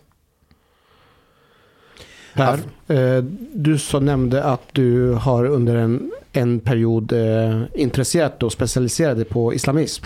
Vill du berätta hur du kom in på det här spåret? Ja, 11 september hade en stor eh, inverkan på mig mentalt helt enkelt. Jag tyckte det var ett, ett, ett, eh, ett angrepp som jag inte kunde förstå. Eh, Och, och, och jag tyckte att svenska journalister inte lyckades förklara det för mig. Eh, Och då tänkte jag att då eh, får jag försöka leta rätt på förklaringen själv och försöka bygga en eh, journalistik och en kunskapsbas till nytta för mig själv och för andra. Eh, Och, och det där blev ett projekt som som underlättades väldigt mycket av sociala mediers genomslag därför att jag eh, var en av de första att använda sociala medier för att kartlägga eh, islamister i Sverige då, eller islamismens utbredning i Sverige. Eh, och jag höll på i runda slängar tio år eh, på nästan all min fritid eh, med detta. Eh, och det drevs primärt då av, av att jag var, jag, jag, jag ville veta. Eh, jag ville veta varför, jag ville förstå och jag ville kartlägga och jag ville hjälpa andra som möjligen skulle vilja veta också. Hur går det till konkret när, man, när du försöker kartlägga det? För det är du, jag har ju läst lite grann, du är väldigt specifika information du skriver Ja. på din blogg. Ja, då var det ju så att då var det ju väldigt, eh, väldigt tacksamt. Då. Man kunde utgå från offentliga handlingar, det vill säga rättsfall eller eh, polisdokument eller statliga utredningar som, eh, som eh, gav ledtrådar om individer. Och, och, eller nämnde individer. Och utifrån dessa eh, Eh, personuppgifter kunde man ju kartlägga deras nätverk. Och det, det underlättades ju väldigt mycket av sociala medier och att Facebook hade slagit igenom. Där på den tiden alla eh, radikala eh, element också hade konton, precis som vanliga svennar. Det var ju innan internetbolagen insåg att de var behjälpliga i att sprida radikal propaganda och började stänga ner allt. Innan de blev PK. Ja, och, och, och också innan, också innan eh, de här radikala organisationerna också insåg att deras eget beteende på sociala medier var ett säkerhetshot för dem själva. Eh, så att någonstans när jag tröttnade runt 2015, då hade Facebook och de andra stora börjat stänga ner all, alla relevanta konton. Och dessutom hade IS då främst eh, förbjudit sina egna att, eh, att vara verksamma som tidigare. Så, att, så att det blev svårare att, att göra det som jag var bra på. Dessutom då hade andra journalister eh, främst då Expressen, eh, men eh, gänget i Göteborg där, Magnus Sandelin och Sofie, eh, som ni har haft här också va? Inte än. Nej, inte än. Nej. Nej. det borde ni ha. Och, och, och, och, och, och, och, de gjort så mycket mer än jag någonsin kunde göra. Jag tänkte fråga dig, vad, vilk, vad gick du in med om föreställningar om vad islamism är och hur de opererar? Och vad lärde du dig tio år senare under, när du granskade dem? Jag gick in med värderingarna som en svensk eh, moderat eller en George Bush-anhängare skulle ha haft. Det här är ett problem vi löser. och kom ut ganska desillusionerad skulle jag säga. Eh, Skulle du kalla dig neokonservativ? då, då var det nog eh, alltså 2005-2006 när jag började kolla på det där. Då fanns det För en sån som Hanif, Ja, vad, vad, jag vet inte, förlåt, jag vill bara veta Vad vad är är, vad, är skillnaden mellan konservatism och neokonservatism? Nej, men neokonservativa var en amerikansk, eh, primärt då, eh, undergrupp av konservativa som, eh, som verkligen trodde på att man, med, att man kunde sprida demokratins evangelium till alla länder och kanske särskilt då med vapenmakt. Att man bombar fram demokrati alltså? Mm. Det, det fanns en slags en slags leninism eller vad man ska säga. Då man trodde att man med, med spjutspetsinsatser skulle kunna tvinga fram större Att om vi slår folk rörelser. tillräckligt mycket så blir de snälla. Kan du ge ett exempel eh, på någon person du granskade eh, under de här åren som fick dig att komma fram till den insikten som du pratar om nu? Att oj, det här kommer inte att gå att lösa. Desillusioneringen liksom. Nej, det är ingen person så. Men, men, men, men om du studerar en miljö som går från att omfatta Alltså går att mäta i tiotal. Från, från när jag började titta på det, då var det några några individer hade rest till Afghanistan, några individer hade rest, rest till Somalia. Vi pratar om 30-40 pers. Va? Sen kom Säpo 2010 med den första uppskattningen. Den islamistiska miljön rör 200 personer. Och sen fem år senare så sa de, äh, vänta det är 2000. Eh, och, det, och då är det i Sverige.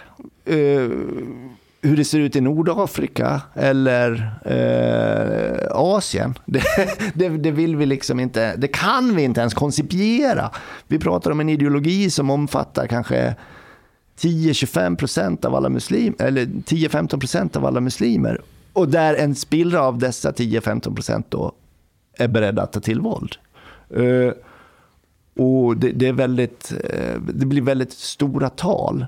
Och det finns väldigt lite, tror jag, som, som vi kan göra som påverkar eh, en reformation i rätt riktning eh, av islam.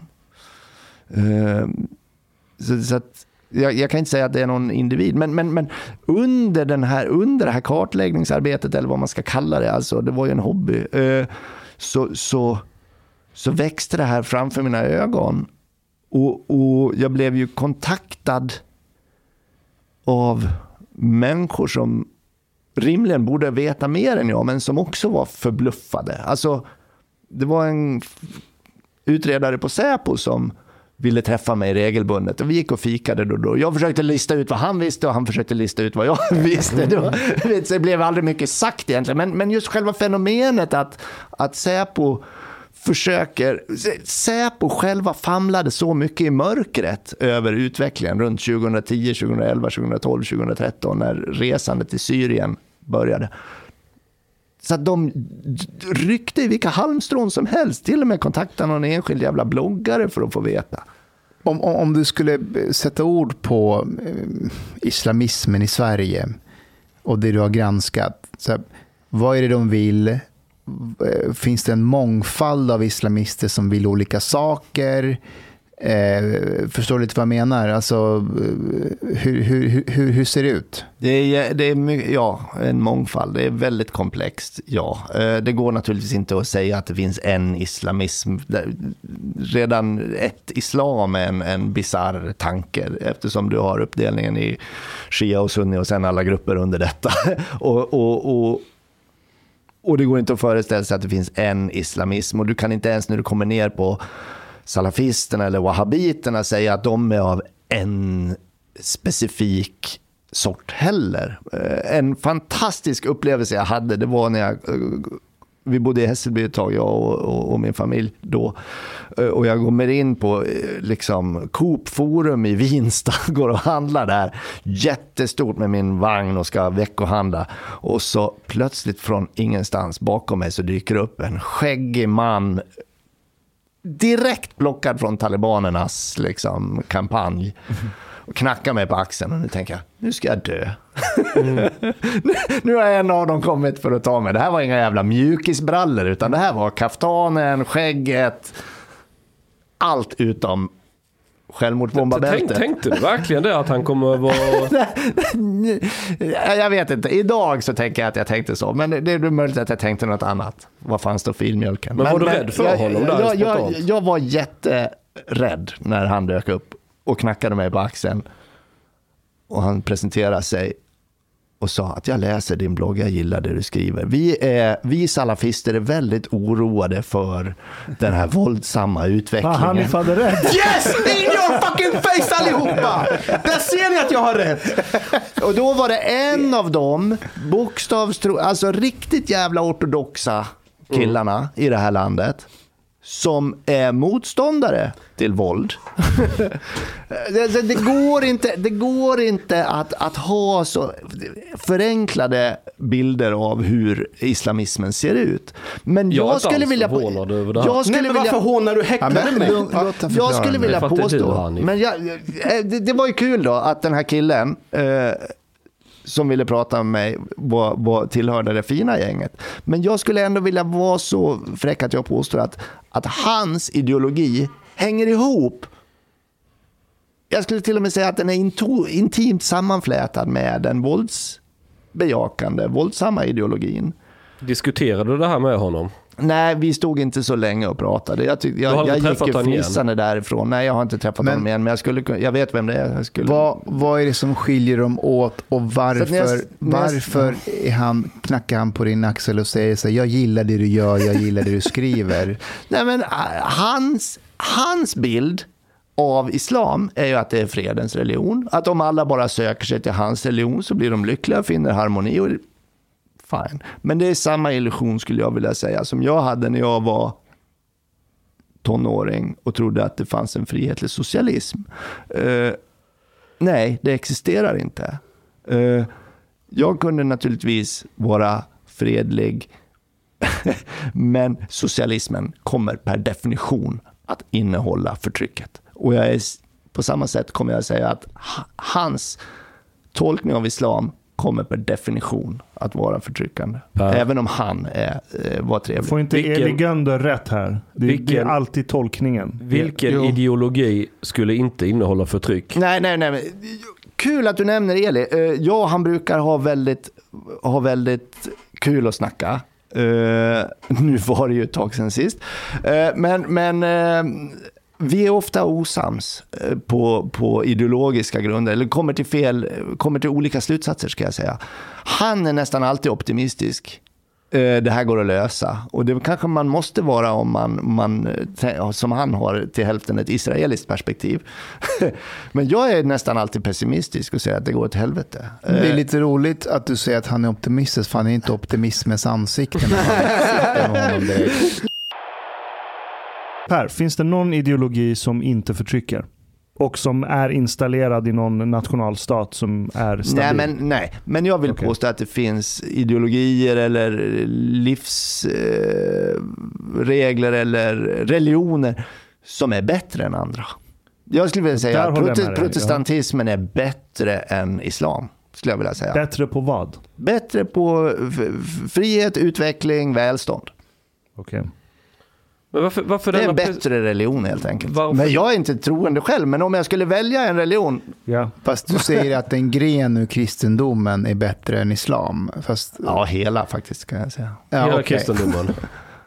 Ja, men det är kristendomen i Afrika där de dödar bögar också Ja, det, lika det, bra. det är naturligtvis en förskräcklig del av kristendomen, ja. Men Ja. om du räknar ja.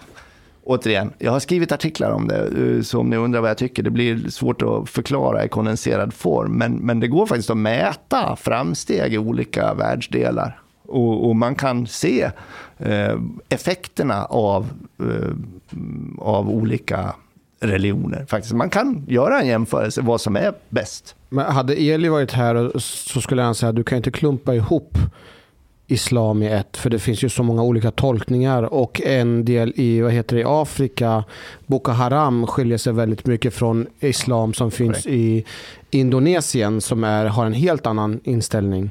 Ja, jag håller med. Jag håller med. Eh, och, och jag försöker, min anekdot där från Vinsta, eh, Coop Forum i Vinsta, tror jag illustrerar att det är inte är så lätt att, att klumpa ihop. Eh, men men, men eh, generellt sett är jag, är, jag, är jag pessimist vad gäller den islamiska världens möjligheter till utveckling. Jag tycker Tunisien, som jag fram tills bara för några veckor sedan var den lysande stjärnan, gjorde mig återigen liksom extra ledsen. Alltså jag håller ju med dig om att religion spelar en roll. Men jag tänker om man tittar på de länder som är eh, Eh, där, där, man, där islam är liksom religionen eh, och, och muslimer i, i majoritet. Ta Afghanistan till exempel. Hur, st- hur större roll spelar korruption, så failed states, eh, än om det bara, att man bara, det är eh, enkelt att säga muslimer, islam, där går det dåligt, västkristna, där går det bra.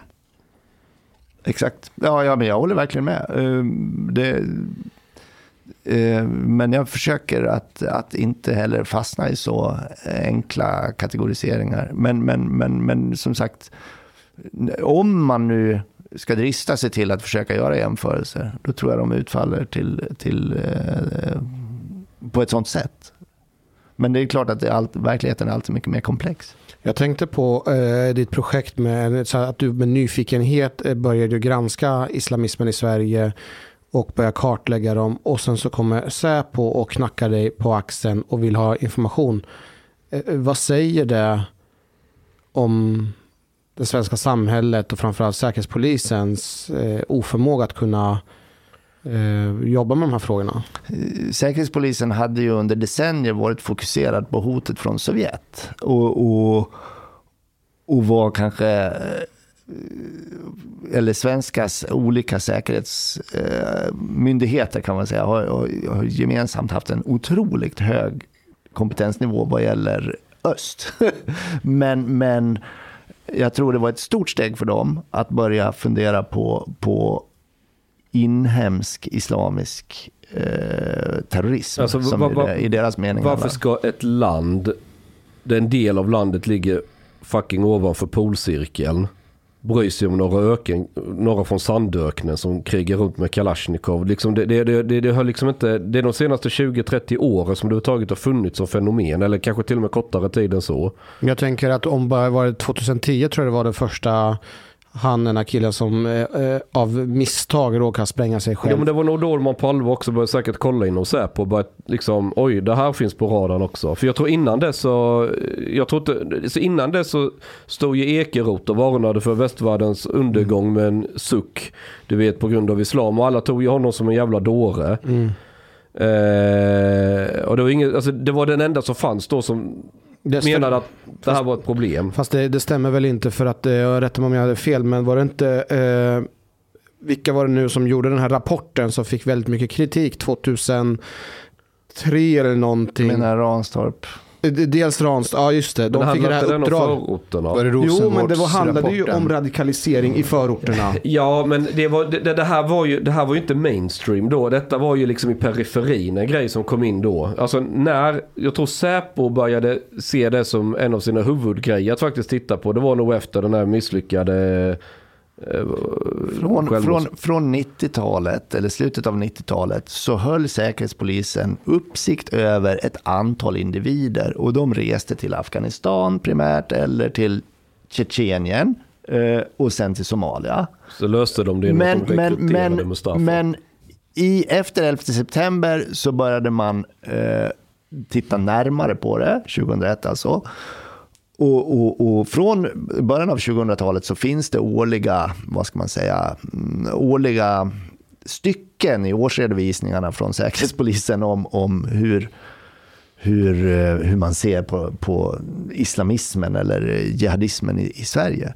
Men det är runt 2010 som man upptäcker att det här har växt mycket större än vad vi trodde. De, har, de tror att de ska hålla koll på en handfull eller, eller ti, ett tiotal eller tjugotal individer, men plötsligt så måste de kolla på hundratal. Och det är deras organisation inte anpassad efter. Sen ytterligare några år senare, då det är tusental, hej, fransmännen, Engelsmännen, de har tusental. Har vi det också? Shit, vi har verkligen inte en organisation som kan kolla det här. Det finns inte. Det är en fysisk omöjlighet att övervaka 2000 individer. Det går inte. Mm. Hur tror du deras kunskapsläge är idag? Mycket bättre. Det är så? Uh, vad, vad som, det lilla jag har sett som förvånar mig det är att delningen av kunskap inte är självklar. Det vill säga de poliser som arbetar med att utreda de här IS-änkorna som har kommit hem med sina barn och utreder deras eventuella folkrättsbrott. De har inte tillgång till Säkerhetspolisens kunskapsbas med någon självklarhet. Jag blev själv, jag blev själv kallad till vittnesförhör för eh, några månader sedan gällande en av de här mammorna som har kommit hem. Därför att jag hade skrivit hennes, eller mycket om hennes man, eh, som nu är död då i Syrien. Eh, och jag blev förhörd då i en pågående utredning om misstänkt folkrättsbrott. För de kan ju ha gjort sig skyldig då till plundring eller andra krigsbrott helt enkelt. Bara genom att vara med i den islamiska staten. Eh, och, och, och, då blev jag kallad till vittnesförhör för att ge bakgrund, vad jag visste om hennes man eller den ideologi eller den eh, vad ska man säga, sfär som familjen befann sig i när de reste. Och jag blev förvånad över hur lite den här utredaren hade på benen. För hon hade inte, eller den, han, hade inte eh, fått ta del av vad Säpo visste. Det var inte, det var inte någon kommunikation mellan myndigheterna och det, det gjorde mig lite nedslagen. Men jag tror att, att, att det finns, jag tror att myndigheten Säpo har bättre koll. Vi behöver en islamistsamordnare. Vi har ju faktiskt, eh, inte islamist men extremistsamordnare. Det var ju det som Mona Sahlin och de körde igång sen. Ja, Samordnare. Vi, Alice Bakunke var ju ja samordnare. bättre person går väl inte att hitta för jobbet. Jag vet, alltså det, det är som en sketch. Ja, ja eh, och eh, det här låter ju helt bisarrt att jag ska någonsin ta Mona Sahlin i försvar. Eh, missförstå mig inte nu. Men vad hon gjorde var ju faktiskt vad hon är bäst på, att snacka skit. Och, och åkte runt och faktiskt till en massa motsträviga sossiga kommunalråd runt om i landet förklara att det här är ett problem det här problemet finns på riktigt och det finns i din kommun. Och du kommer att sitta i skiten om du faktiskt inte tvingar din socialförvaltning och kolla runt hur det ser ut i ditt miljonprogramsområde. Och, och det lyckades Mona Sahlin med. Uh, och det ska hon ha uh, en fjäder i hatten för. Uh, jag måste bara berätta en anekdot. Jag skriver det bland annat i min bok Förortssnuten hur jag är på en föreläsning med Mona, med Mona Sahlin. Och det roliga är att jag visste ju inte vad extremism var. Jag visste inte, på riktigt så visste inte jag vad våldsbejakande extremism var. Var inte du på väg att bli rekryterad? Lyssna, lyssna, lyssna. Jag visste. Jag orkar inte. um, vilket år var det här? 2011, 12 någonstans. Nej, men 2015 ja. så var jag på en föreläsning med Mona Salin och temat var våldsbejakande extremism. Och när jag eh, kliver in i den här aulan där vi skulle ha temat våldsbejakande extremism och så här vad är det här våldsbejakande extremism?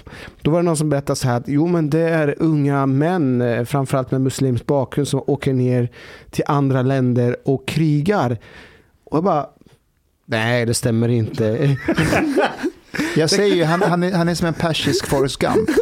Han hamnar i olika situationer. Men jag, jag så säga, det, det, det är inte rimligt. Hur kan man vara född i det här landet och växa upp med de här fantastiska möjligheterna.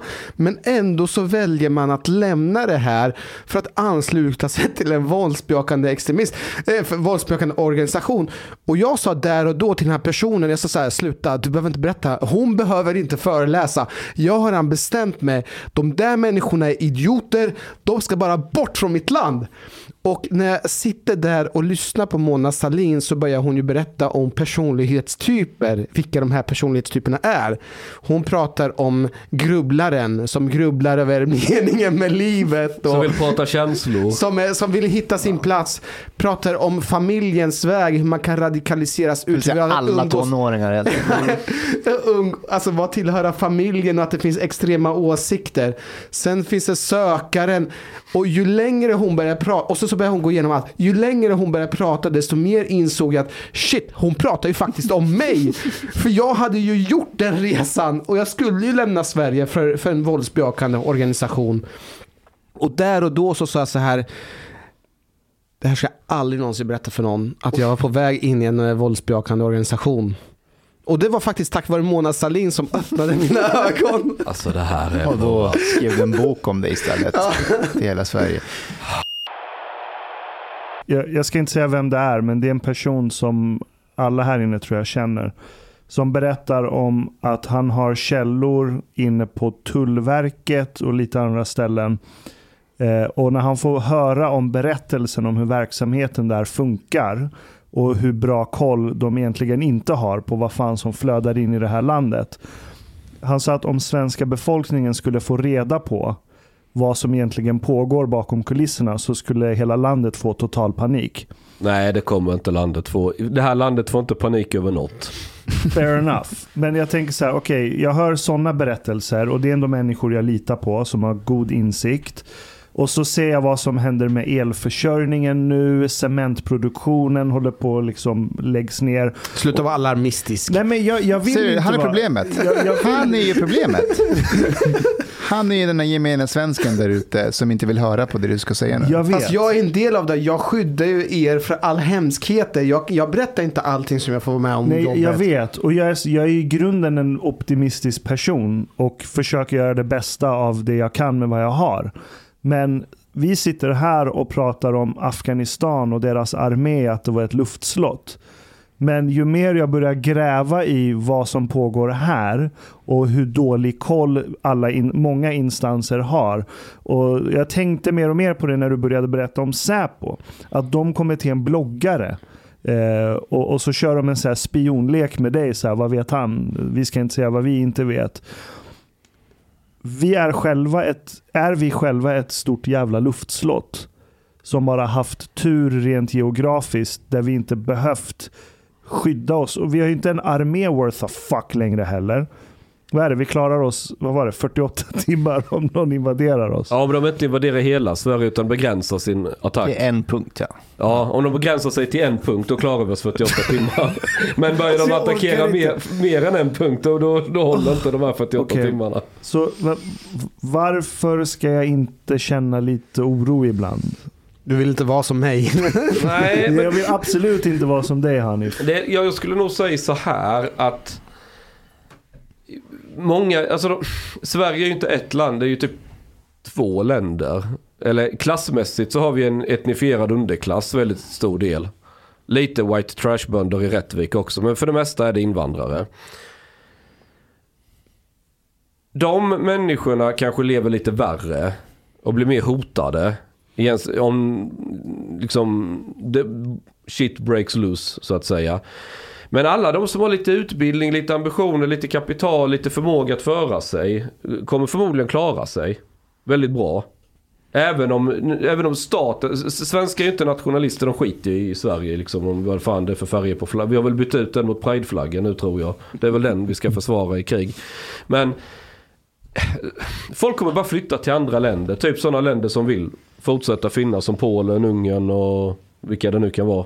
Det, det är det som kommer ske Det finns, ju, det finns ju en förhoppning om att bara vi lyckas skapa stabila institutioner i, i ja, vilket land det nu må vara, i Afrika eller whatever, så, så kommer det att uppstå en fredlig eh, demokrati. Va? Eh, och när du frågar, men våra institutioner i Sverige verkar vara ihåliga Potemkin-kulisser. Va- Ska jag inte vara orolig? Ja, om föreställningen är att det är institutionerna som skapar civilisationen, ja då ska du naturligtvis vara orolig. Men tänk om det inte är institutionerna som skapar civilisationen. Tänk om det är folket som skapar den. Och att du råkar vara omgiven av världens mest ordningsamma, plikttrogna människor, det vill säga svenskarna, som när apokalypsen kommer, i värsta fall köper slut på toapappret på Hemköp liksom, och bunkrar upp med spaghetti. Det är ungefär så långt kaoset sprider sig i Sverige. Ja, så länge det är kris som drabbar, alltså, hur ska jag förklara? Den svenska Men- medelklassen, ja. Ja, men om Sverige ställs inför en väldigt uttalad fiende. Nyligen, alltså när man upplevde ett hot från Sovjet så hade vi ju ett försvar som inte var Guds nåde. Men en befolkning på 8 millar och hade vadå Europas största, eh, andra största flygvapen. Vi hade två bilmärken. Polen hade inte något och de var väl tre gånger fler i befolkningen, fyra gånger fler.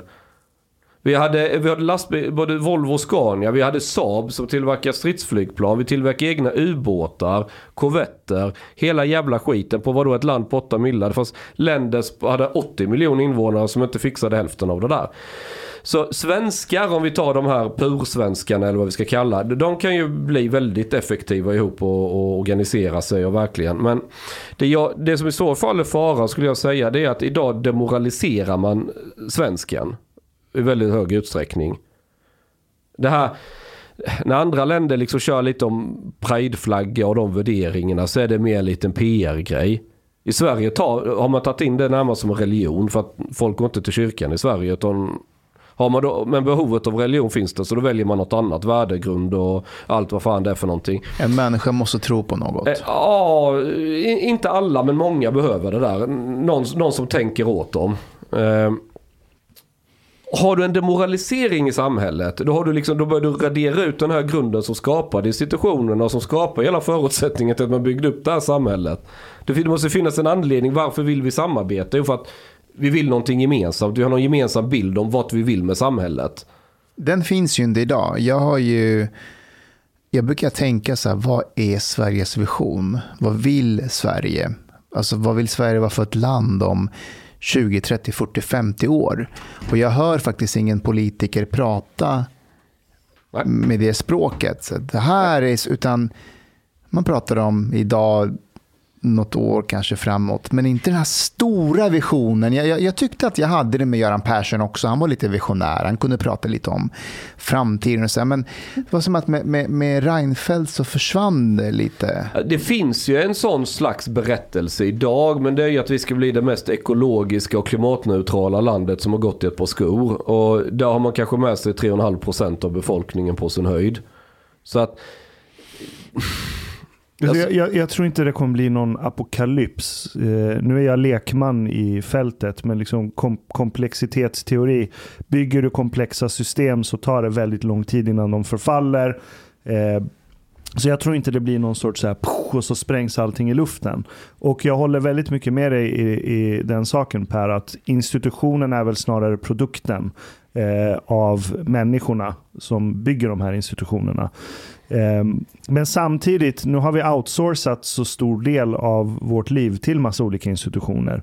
Sjukvård, säkerhet, försäkringssystem, alla de här bitarna. Ehm, och sen lägger du på faktumet att en stor del av befolkningen är skuldsatta upp till halsen med bostadslån.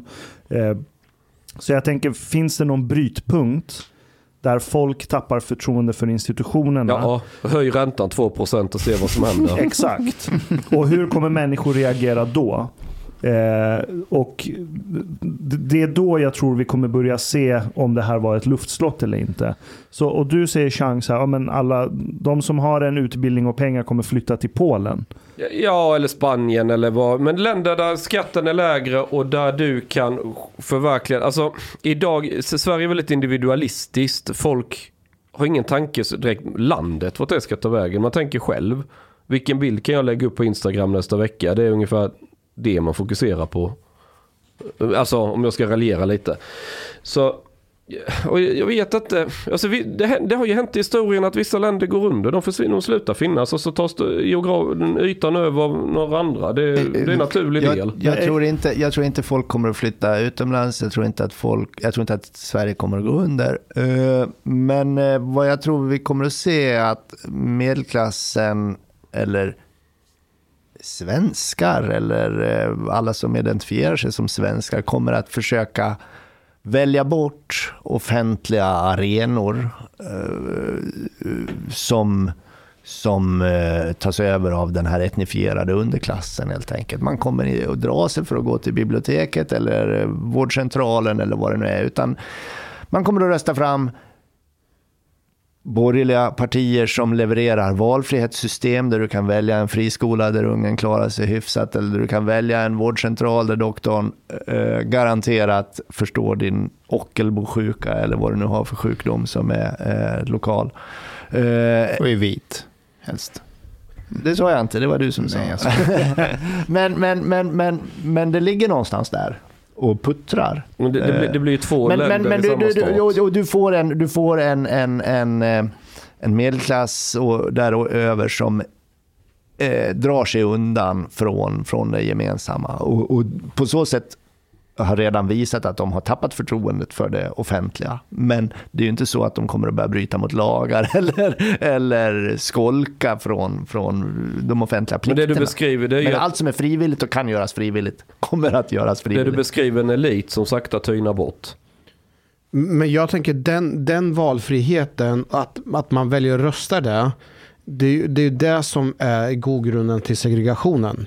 För i, i samma sekund som du ger valfriheten att välja att dina barn ska gå till en friskola så kommer du också ge valfriheten till en annan person som bor i förorten eh, att välja bort det svenska och välja gå i en eh, vad, konfession, vad heter det? Konfessionella skolor. Ja, som på pappret ser ut som om det är hur bra som helst men under, eh, bakom kulisserna så är det separa, könsseparation och sådär. Och det måste alla ha med sig. Nej, jag tror inte att det är valfriheten som är ursprunget till segregationen utan den vettlösa politiken vi har fört i några decennier som är felet. Eh, Men jag tror att det är oundvikligt. Ja, jag tror att folk kommer att vilja välja bort de problem som de uppfattar att regeringen har påtvingat dem. Jag, Och jag, ingen kommer att offra sina barn Nej. eller sin gamla morsa för integrationen. Min gamla dementa mor har rätt till vård för sin egen skull. Inte för att vara ett trappsteg inom en integrationstrappa för någon som behöver ett jobb inom äldreomsorgen.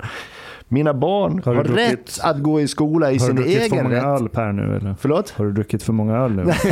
Nej, men det här är faktiskt... jag, håller, jag håller med dig. Det här, är, dig. jag, jag, det här skrev jag i Svenska Dagbladet och var med i någon radiodebatt om att den här eh, integrationstanken att den på något sätt ska överstiga eller naturligtvis vara överordnad de andra samhälleliga målen vi har. Det är helt fel. Alltså vård, skola, omsorg måste fungera på sin, sina egna villkor och de brukare av de tjänsterna har rätt till de här tjänsterna i,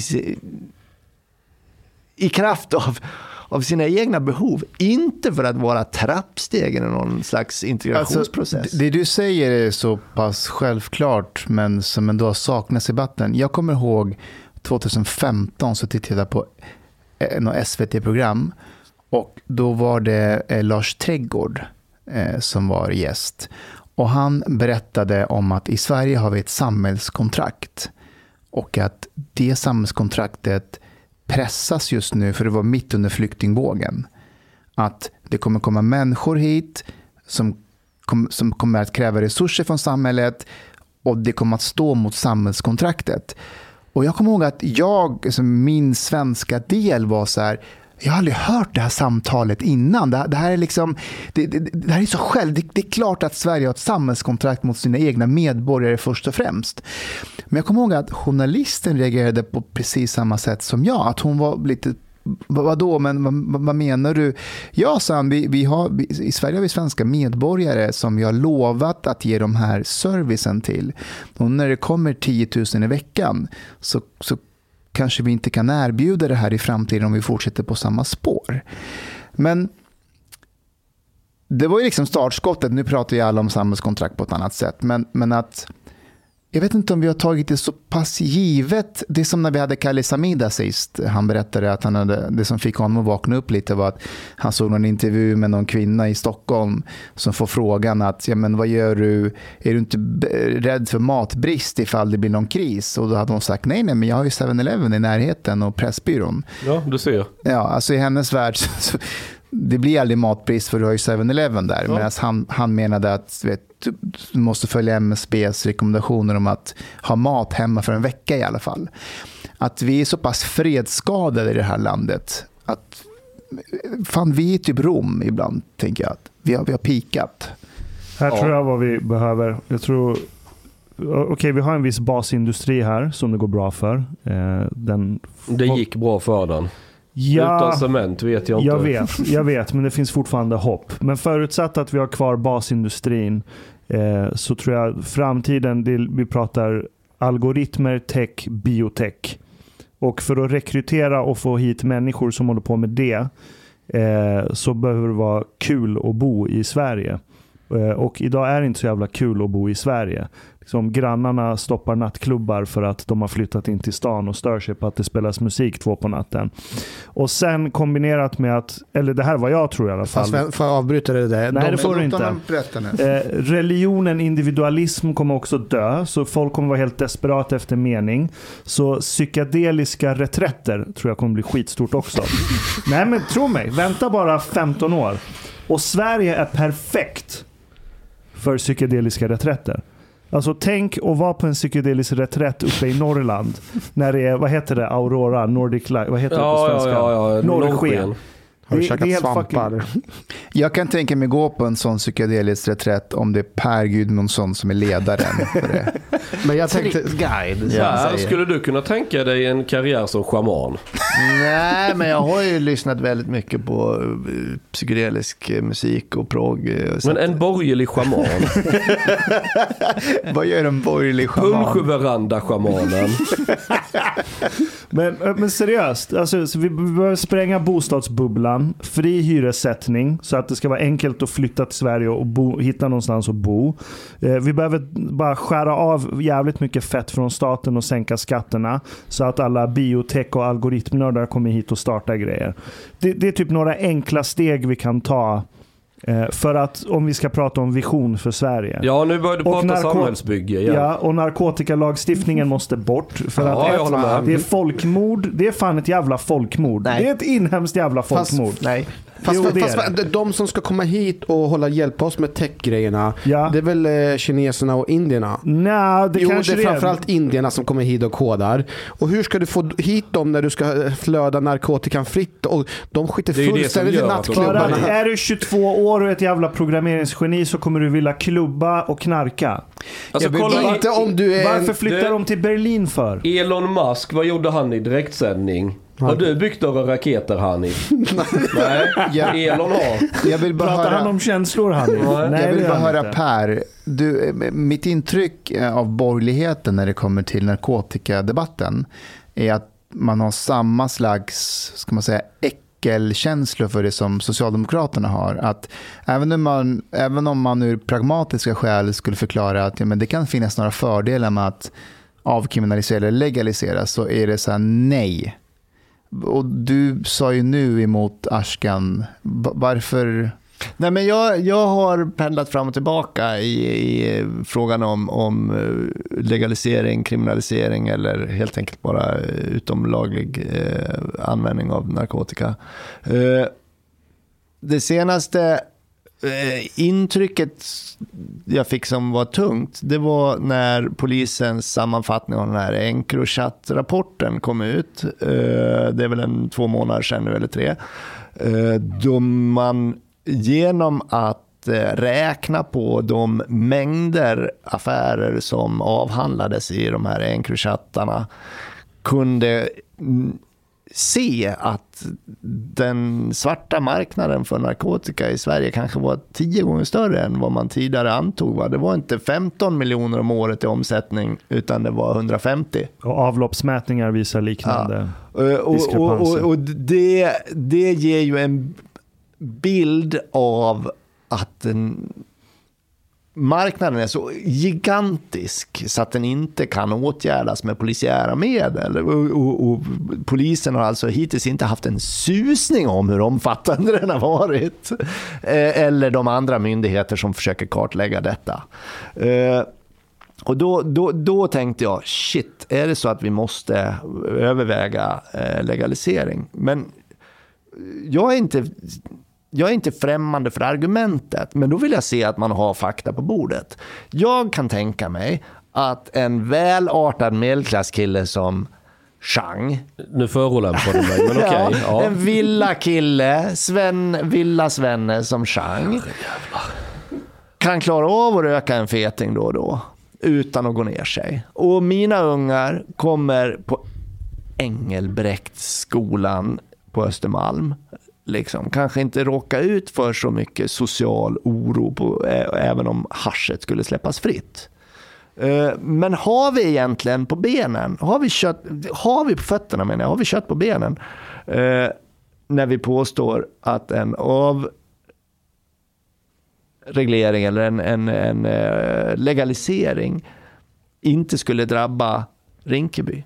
Hur skulle, hur skulle utslagningen se ut i våra utsatta områden? För, för de, de kommer hitta något nytt att tjäna pengar på om de inte kan sälja knark. Nå, eller får de gå men, till skolan men, och utbilda men, sig, men, hemska tankar. Fast det var inte det som var grejen. Det är de som brukar narkotikan, hur kommer de hantera det? Ja, då brukarna. hur, kommer, hur, kommer bruket att förändra, hur kommer bruket att förändras? Hur hanterar alkisarna Systembolaget? Ja, ja. Jag, jag bara säger det. Sen, kartlägg, kan, det kartlägg det och kom sen och presentera använda, fakta för mig. Då är jag öppen jag för argumenten. Jag kan använda dina argument Men mot just nu, har vi ingen, just nu har vi ingen koll på det här. Innan så sa du att när man ville som neokonservativ in och kriga i Afghanistan så var det som att man, man försökte bemästra eller kriga mot naturen. Eller det var något sånt du sa. Mm.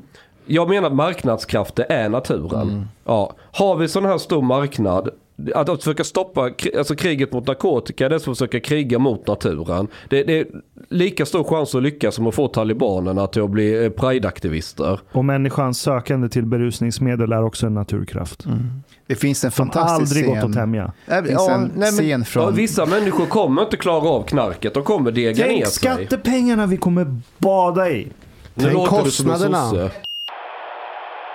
Ett av mina konstigaste, ett av mina konstigaste jobb journalistiskt, det var när jag var ganska ny och jobbade på Strix Television på Robban Aschbergs eh, redaktion på ett program som heter Folkhemmet. Mitt största scoop jag gjorde på den tiden det var att jag letade rätt på en porrskådis som hade förekommit i den svenska pornografidebatten. Det var ju nämligen så att folk ville förbjuda pornografi, eller kabel-tv, eh, pornografi då, eh, därför att det, en kvinna hade porträtterats i en dokumentärfilm om porr som att hon liksom knullades till medvetslöshet. Det var sådana övergrepp, det var dokumenterade övergrepp helt enkelt.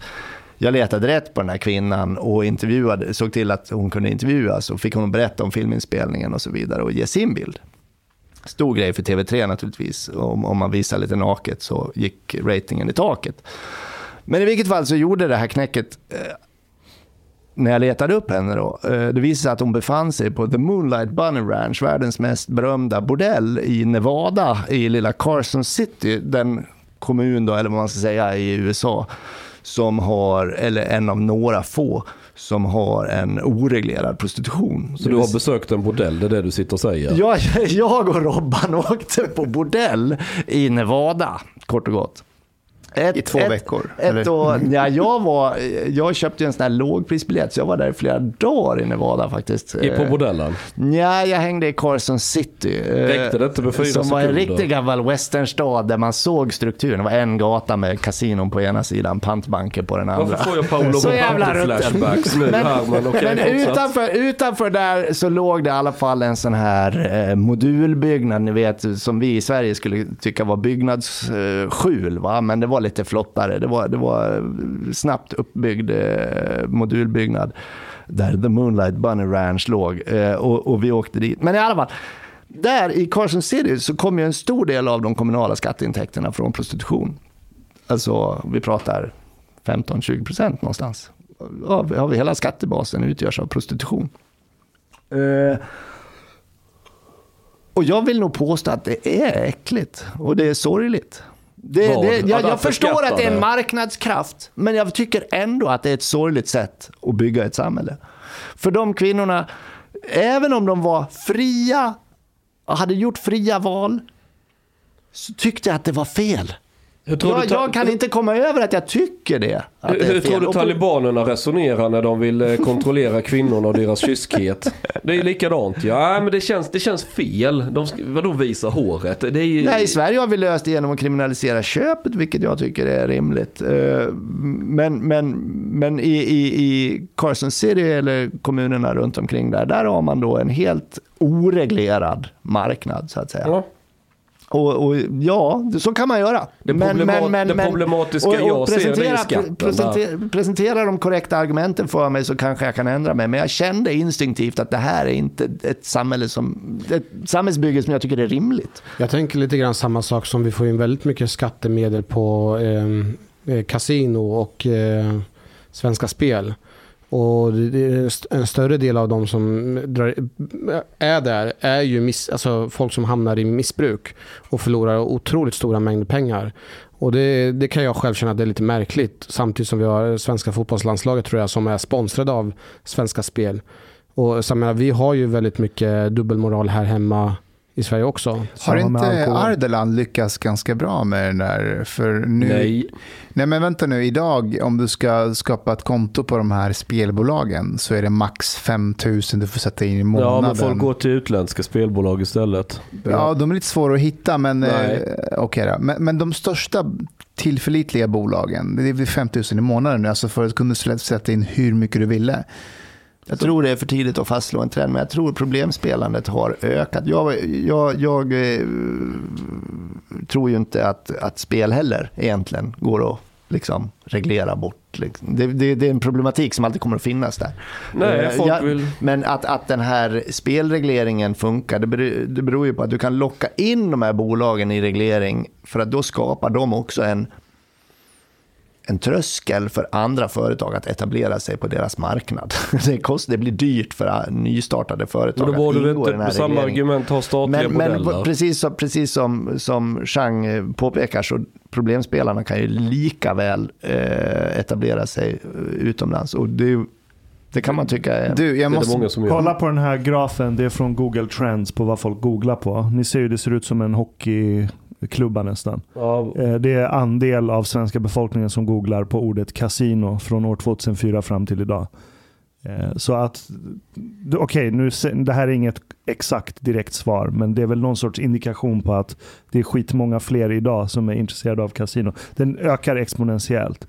Jag, jag, hade, jag, jag har en bekant som eh, har haft enorma problem med spelmissbruk i väldigt, väldigt många år. Jag kan lova att lösningarna som eh, Ardalan Shekarabi eller regeringen eh, pratar om idag inte ens kommer komma i närheten av att stoppa det sug eh, som jag har sett med egna ögon en spelmissbrukare har. Go- Google- Speciellt nu med internet. Googla då bostadslån så får du bli... Ja, och samma med Kronofogden. Också exponentiell ökning. Men Ashkan, Mycket i Norrland. det kanske inte är så att vi kan stoppa alla, men vi kanske kan eh, minimera så att, de, eh, alltså att vi minimerar, stoppa så att en del inte hamnar där. Och jag tänker samma sak när det gäller narkotika eh, lagstiftningen där också. Vi har många som eh, brukar eller missbrukar eh, droger Och det ökar. och det ökar. Så Men vi samtidigt- ingenting. Så samtidigt så kanske vi med den, den lagstiftningen som vi har nu förhindrar att fler kommer in i det. Sverige har störst amfetaminförbrukning per capita i hela EU. Vi har högst, eller näst högst narkotikadödlighet i hela EU. Det, Fast hur är det med cannabisanvändningen då jämfört med andra länder? enligt avloppsmätningar så är det skitmånga som brukar det. Till skillnad från de här gymnasieenkätundersökningarna som skickas ut. Fast det kan lösa sig nu därför att väldigt mycket eh, eh, cannabisbruk i Sverige är ju hemmaodling i garderoben. Men med de här elpriserna så börjar det bli riktigt jävla svårt. Ja, det går åt fan mycket el att producera hemma. Ska... Är det därför man ska använda kärnkraft eller? Jag måste Det- bara det- fråga dig Per. ehm, din tid på Strix Television med Folkhemmet och Robert Aschberg där slutet av eh, 90-talet och början av 2000-talet. Hur har journalistiken ändrats idag jämfört med då? Fanns det... Nej, oj vilken svår fråga. Alltså, jag var ju spoling då framförallt. Jag tycker bara jag, jag gjorde så jävla mycket ruttna grejer. Att folk överhuvudtaget släppte in mig i en tv-redaktion var ju bisarrt. Vad gjorde du för ruttna grejer? Nej, men det var, det var dåligt kollade grejer helt enkelt. Det, det, det var ju, det, man kunde inte vara klickhora då, men det var ju det vi var. Eh, och, och, och, och, då släpper man kanske igenom eh, grejer. Eh, ja, jag kan absolut inte relatera. Jag, jag, jag, jag, jag nej, men det, jag tyckte jag gjorde dåliga, jag var en dålig journalist helt enkelt, som, som inte tänkte två varv. Idag är jag mycket bättre på hantverket och kan, kan se de de eh, misstag jag, som är vanliga som andra gör, men också de misstag jag själv gör. Eller att här har jag bara tänkt ett varv. Jag var så här.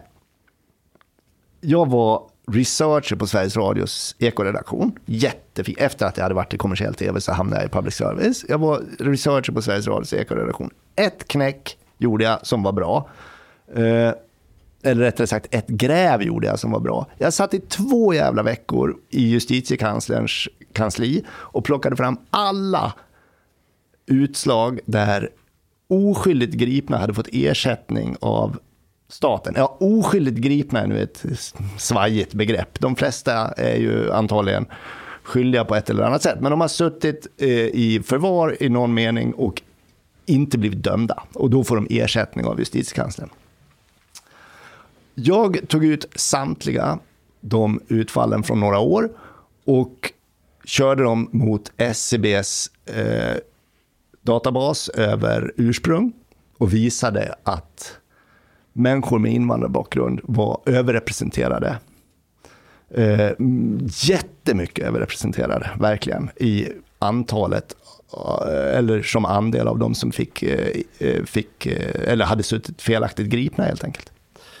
Och det blev ju en jättenyhet. Och, och Ekot toppade med den. Och, och Mosaik extra sände en debatt med Alexandra. Ja, ni kan haja hur det mm. var i början av 2000-talet när den här ja. nyheten kom. Va?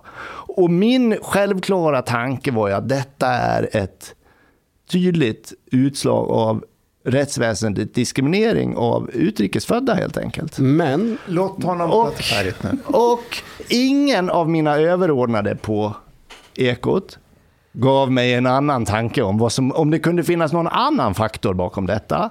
Ingen av mina kollegor ifrågasatte detta. Ingen i den allmänna debatten som följde ifrågasatte att detta kunde vara något annat än diskriminering. Men allmänheten som ringde in till mig och frågade vad fan är det för idiot som har gjort det här inslaget. Ja, nu var det inte jag som gjorde inslaget, men jag var ju, gjorde researchen bakom så att säga. Eh, Påpekade att ja, överrepresentationen här är ju exakt samma grad av överrepresentation som finns i brottslighet. Det här är ju bara ett, en spegelbild av den faktiska brottsligheten, hur den ser ut. Så att säga. Det är ingen diskriminering här, eller i alla fall det finns inte skäl att tolka de här tecknen som eh, diskriminering. Dels det, men, men, men, felet då var ju att jag tänkte inte det, det steget.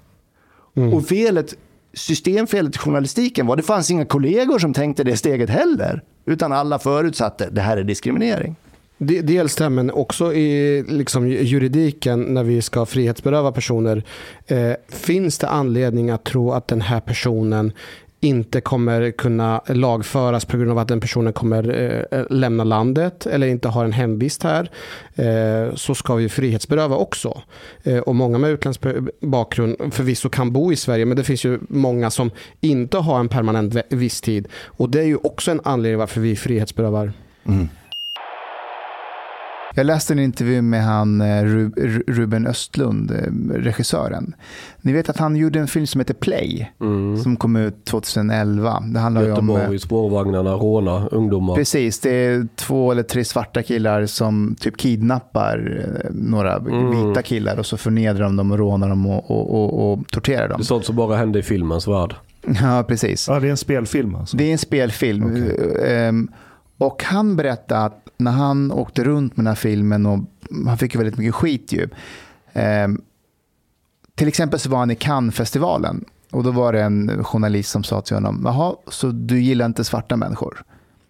Eh, när han är i Sverige och visar filmen, då är det en lärare som blir så upprörd över den här filmen. Ihåg, filmen är baserad på en sann berättelse. Den kommer från en rättegång som, som han har läst in sig på.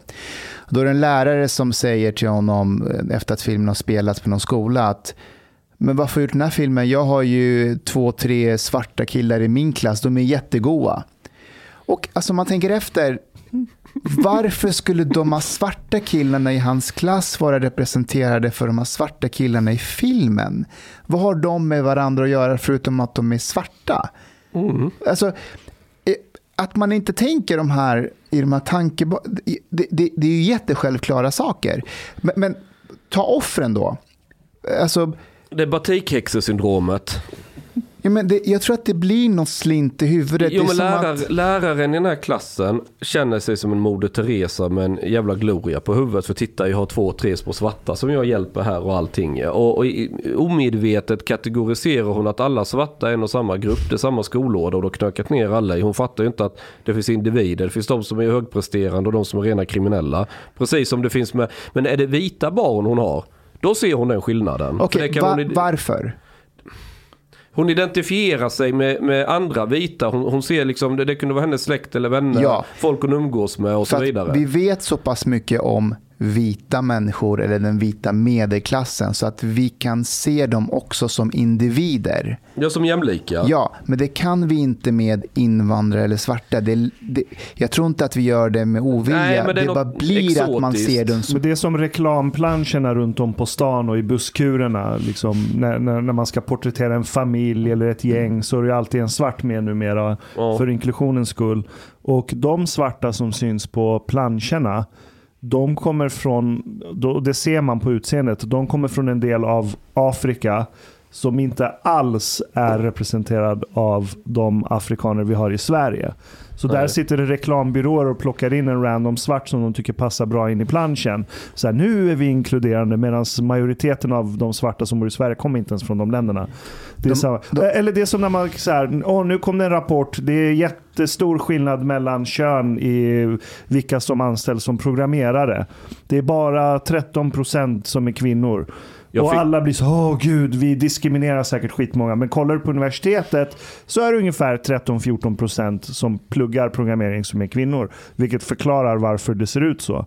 Och då är det så här, aha, varför är det 13%? Och då kommer det in på så här riktigt Ashkan. grönt. Va? Jag fick en sån här vision nu när du pratade. Okej. En reklamaffisch för Okej. kärnkraften. Okej. Så tar vi, kvoterar vi in en av de här svarta killarna.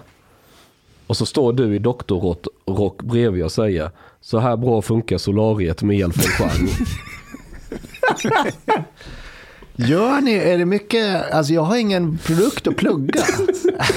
ska, men eh, syftet med den här podden är alltså att man ska sälja sina egna varumärken. Det är Nej, det. verkligen inte. Jag har inte sålt Du säljer din bok. Jag har bara refererat till den. Jag har refererat till den. Hur många ett jävla gånger? uppslagsverk. Men okej, eh, Bulletin. Sälj vad du vill Per. Bulletin! Vi är horor allihopa. Ja, jag bad är, är, det. är, du, är, är, du, är du chef, är du politisk chefredaktör på Bulletin? Nej, nej, jag är ledarskribent. Eh, Jag eh, tog anställning i eh, slutet av förra hösten och så startade vi den här tidningen i, ja, vid julas var det väl. Och fan vet hur det kommer att gå. Det blev ju ett jättebråk eh, efter några månader. Vad handlar Va? den om? Va, va, vänta, va, va? Och- vad har jag missat? ja. eh, och, och, eh, och många av våra profilnamn, tyvärr då, några dessutom av mina bästa vänner som jag hade sett fram emot att jobba med, eh, valde i samband med det att hoppa av projektet. Eh, men tidningen kommer ut och eh, som sagt, det är ett uppstartsprojekt. Jag, det är oklart hur det kommer att gå, men så länge det finns. Jag vill ju skriva mina artiklar, jag vill ha ett jobb och Eh, Jag, jag tycker det är kul. Jag, det är ett stort projekt. också. Det är 25 jobb sådär i, i journalist... Stockholm som, eller Sverige då, journalist-Sverige kan man säga, vi är ju ganska utspridda, som, som, eh, som står på spel. Så jag vill ju gärna att det ska lyckas. Och marknadsidén är ju att vi ska identifiera ett x antal tusen människor som är beredda att prenumerera på det här och betala. Det är ju inte en produkt som ska tala till alla eh, tidningsläsare i Sverige. Vi är inte en massmarknadsprodukt utan idén är att det ska vara en nischprodukt eh, som ska bygga på betalvilja, en ny uppkommen betalningsvilja för digitala tjänster helt enkelt. Så vi se hur det funkar. En sak som jag har lite svårt att förstå, men det har med din personlighet att göra. När det stormade som allra värst och det var drama queens som gick ut och sa upp sig inför öppen ridå och hit och dit. Och varje gång någon journalist sökte dig Per så var du lugn som en filbunke och bara gjuta olja på vågorna och väldigt så här precis som att det, jag tänker på den här memen, ni vet den där hunden som sitter och det brinner i hela rummet. Ja, ja, ja. This is fine. This is fine. Fan, du liksom. liknar honom. Det, är liksom, det, det var Per Gudmundsson när han precis hade börjat på Bulletin och hela helvetet bara. Eh, ja, alltså ett. Det finns en strukturell förklaring och det är att jag var inte chefredaktör. Jag var inte chef för ledarsidan utan jag har ju varit en kille på golvet hela tiden. Jag är en ledarskribent. En, i, En arbetarklass. Ja, nej, En kille men, på men, golvet. men om du har en chefsroll i, i en arbetsplatskonflikt så kommer din position att vara mer eh, Hantera konflikter. polemisk. Liksom. Men, Medans- men är inte du ansvarig utgivare? Jo, sen efter bråket så Ja, saknas det. en ansvarig utgivare. Så det var lite Cersei Lannister där. det. Du väntar på att de andra förgör varandra så kan du knipa... Verkligen inte. Nej. Jag har inga som helst ambitioner på att vara chef. Jag vill skriva artiklar. Det är ju det jag kan. Skriva artiklar. Men om du undrar varför jag kunde behålla lugnet vid varje eh, intervjusituation som uppstod därefter. Du rökte Vi gräs. ska inte. Okej, kör. Eh, Jag tar en lång paus så att ingen ska göra kopplingen. Men ni ska inte glömma att jag kom eh, ut från ett jobb innan som var ett och ett halvt år i Kristdemokraternas riksdagskansli då jag hanterade press åt Uh, ja, partiledningen och Ebba Busch och eh, alla riksdagsledamöter i princip. Så jag har en väldigt ska jag säga, ganska stor erfarenhet av att prata med journalister och försöka förklara hur det ligger till på ett sätt utan att bli eh, upprörd hela tiden. Och året, den där tiden med i KD var ju fantastiskt rolig, men den innebar ju också några prövningar kan man väl säga för vad gäller mediehantering. Berätta mer. Ja, alltså Det jag var hade... någon som la fyllebud på en bostad och skulle köpa, du vet. Det första, det första som hände i princip när jag hade börjat jobbet på KD, det var ju att eh, partiledningen fattade beslutet att byta parlamentarisk strategi och öppna för samarbete med Sverigedemokraterna och även Vänsterpartiet. Hade du något... Det var, mitt första, det var mitt första jobb. Nej, jag hade inte med det att göra. Det var en process som hade pågått länge. Jaha, okej. eh, utan, eh, däremot, jag hade nog inte fått jobbet om jag inte hade varit sympatiskt inställd till det. Okej. till utvecklingen. Så du, du, tycker man ska legitimera SD, det är det Ja, du säger? Nej, men, men, men, men det var det första som hände, att jag fick låt säga, leda eh, det pressarbetet i en, en debatt som faktiskt pågick i ett halvår, skulle jag vilja påstå. Eh, eller fortfarande rent av. Sen var det ett EU-parlamentsval där KD gick in med succésiffror, men mitt under valkampanjens slutskede, Dagens Nyheter, effektivt sticker hål på ballongen genom att och, och, och, och, och hänga ut Lars Adaktusson eh, som påstådd eh, abortmotståndare. Kan man säga att det är en aborterad valrörelse för KD? Nej, men ja, nej, men det kan man väl säga att, att DN, DN eh, sänkte eh, KD den gången. Eh, alltså från de här astronomiska siffrorna som var. Eh, 13 tapp, tappet var ju 6 procentenheter. Jag kan se säga. bilden framför mig. Wolodarski DN-skaparen trycker press abort. abort. Sen, sen var det fler, sen under att, att jag, jag lärde mig så mycket, det var så roligt jag, och jag gillar alla i KD-kansliet. Det var verkligen en givande period i mitt liv att få vara där. Eh, Men det var otroligt intensivt. Det var flera sådana här riktigt stora mediehändelser eh, som jag var med om att hantera. eh, Som kanske förberedde mig något för en liten eh, skvalpning i vattenglaset med Bulletin. En- En sak som, som jag tror att många vill veta med, med KD och den tiden du var där och som, som fortfarande inte kunde kommuniceras ut på ett bra sätt det är ju dejtade Ebba Busch Markoolio eller var det bara skvaller? Oj. Den här tystnaden, vi, alla begriper aldrig- vad svaret är. Tramsbyxa. Eh, det är bara ett skämt eh, ifrån Markoolios sida. Eh, och, det är ett kul skämt. Det finns inget sånt. En annan fråga. Jag, vad jag såg dejtade bara ingen under. Ah, kom igen. Hon har väl inte gått i celibat? men, herregud, vilka konstiga frågor. Ja, det är klart. Vi vet du hur många i Sverige som vill veta om har man en chans på Ebba eller inte? Liksom. Har fått... Eh, Men okej, vi skiter i det. Ja, Men- jag, jag, jag, jag, jag, jag hade enormt kul att jobba i KD och eh, Ebba var en makalös eh, exekutiv kraft. Hon kunde verkligen pressa fram medarbetarnas absolut maximum hela tiden på ett sätt som gjorde att man ändå kände att det var roligt. Skitkul att jobba där. En... Men, men hennes privatliv har jag väldigt lite insikt i. Ja, okej. Eh, det är nog också må- många undrar, det är alla de här KD-tjejerna på Instagram. Är de lika snygga i verkligheten? Ja, men, De är det. Men, men, men, men det är ju inte det som är grejen. Eh, eh, Sånt lär man sig också på kod. Det finns ju en hel värld av fri religiositet som, som jag aldrig har haft någon kontakt med egentligen. Eh, och, och det finns eh, liksom en, en begreppsflora för företeelser i den frireligiösa världen som vi utanför då aldrig har haft kontakt med. Men det finns något som heter pingstliljor till exempel. Som, som är väldigt vackra eh, eh, kvinnor i, i rörelsen. och så. men, så, men, och, och de existerar, eh, det kan jag väl säga. Hur stor förankring har KD i kristendom idag? Nej, så här, Eh, om, om partiet under den korta tid jag var där så låg de mellan 6% eller 5 då i mätningarna och eh, faktiskt ända upp till galna 13% Det mesta var taget direkt av från Moderaterna när Ulf Kristersson eh, var nere i en förtroendesvacka. Eh, och det är där någonstans kan KD spela. Alltså 6-8 procent, där uppe kan KD vara.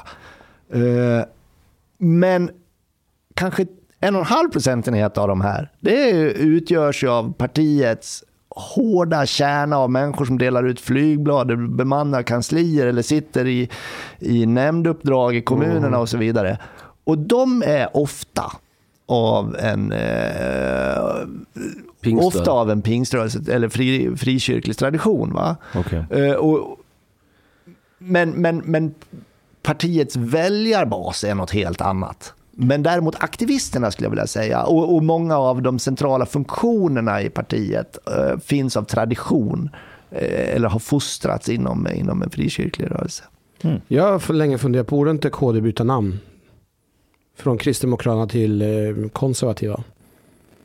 För det, det klingar fel att vara kristen. Alltså att det, att det, jag tycker lite grann som Folkpartiet bytte till Liberalerna så skulle de tjäna på eh, byt, namnbyte för att kunna attrahera fler väljare som inte identifierar sig som kristna väljare. Det har inte gått så bra för Liberalerna i och för sig. Faktum är att KD har bytt namn. De hette Kristdemokratisk samling, eh, Kristendemokratisk samling tidigare. Men, men, ja, men det var ju, oj vilket namnbyte.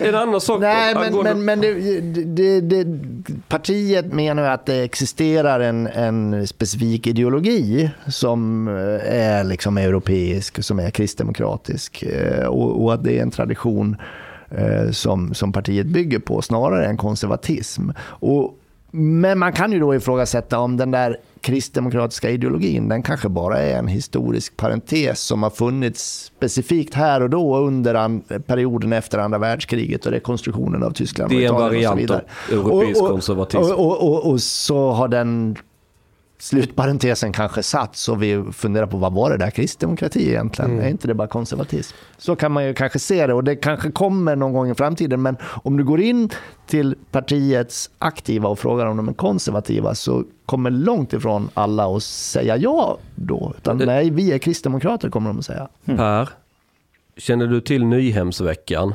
Jag har aldrig varit där. Vad har du hört om den?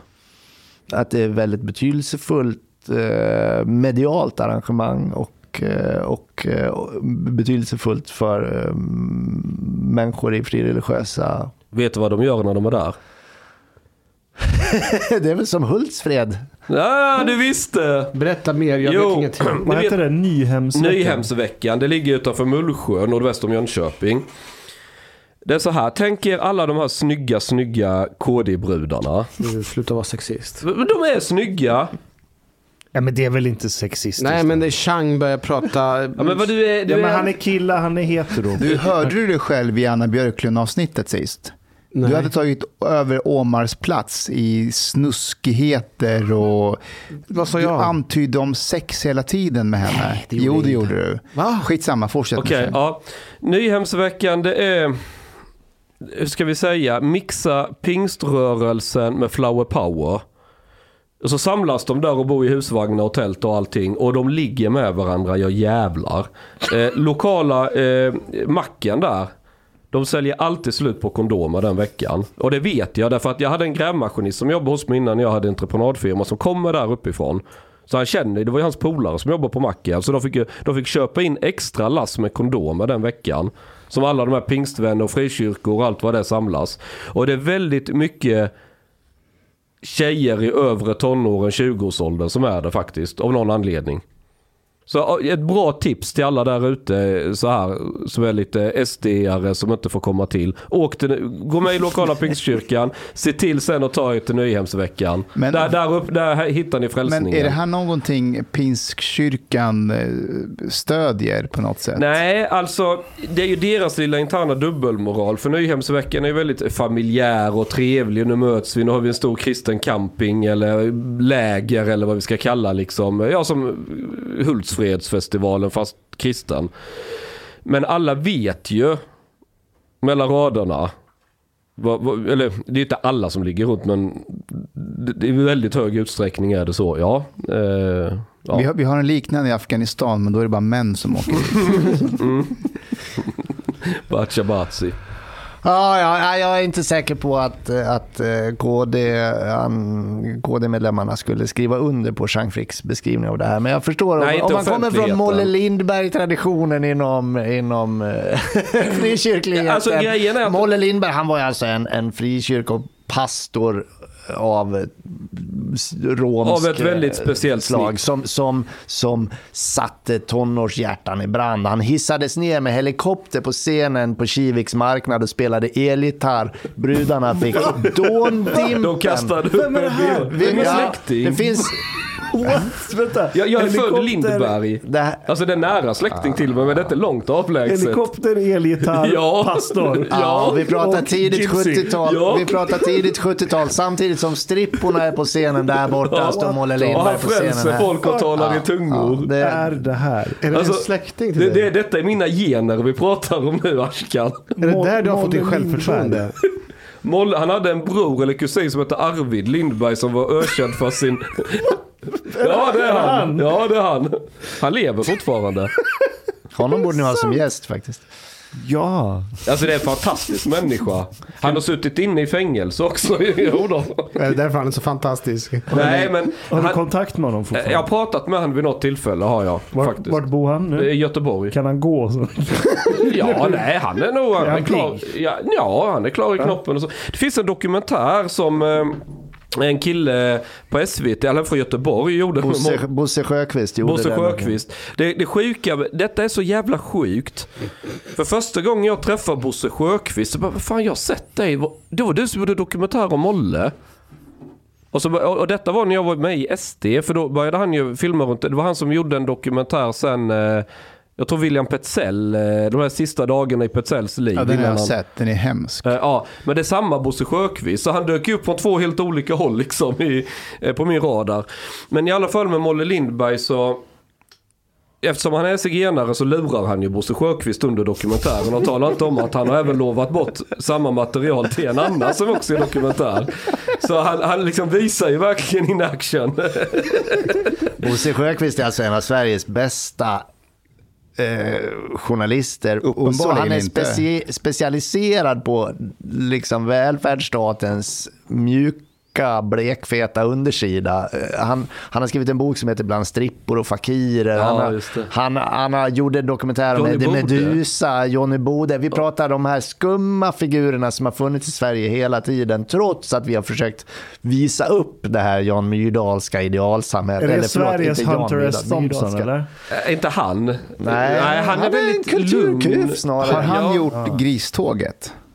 Nej. inte. Nej, men han har skrivit om det. Så att, Men han är, det är mycket, alltså Bosse Sjöqvist har nog betytt, nu kanske han kommer få skit för att jag säger det, men han är en av de personer som har betytt mycket för mig när jag startade igång Nyheter Idag faktiskt.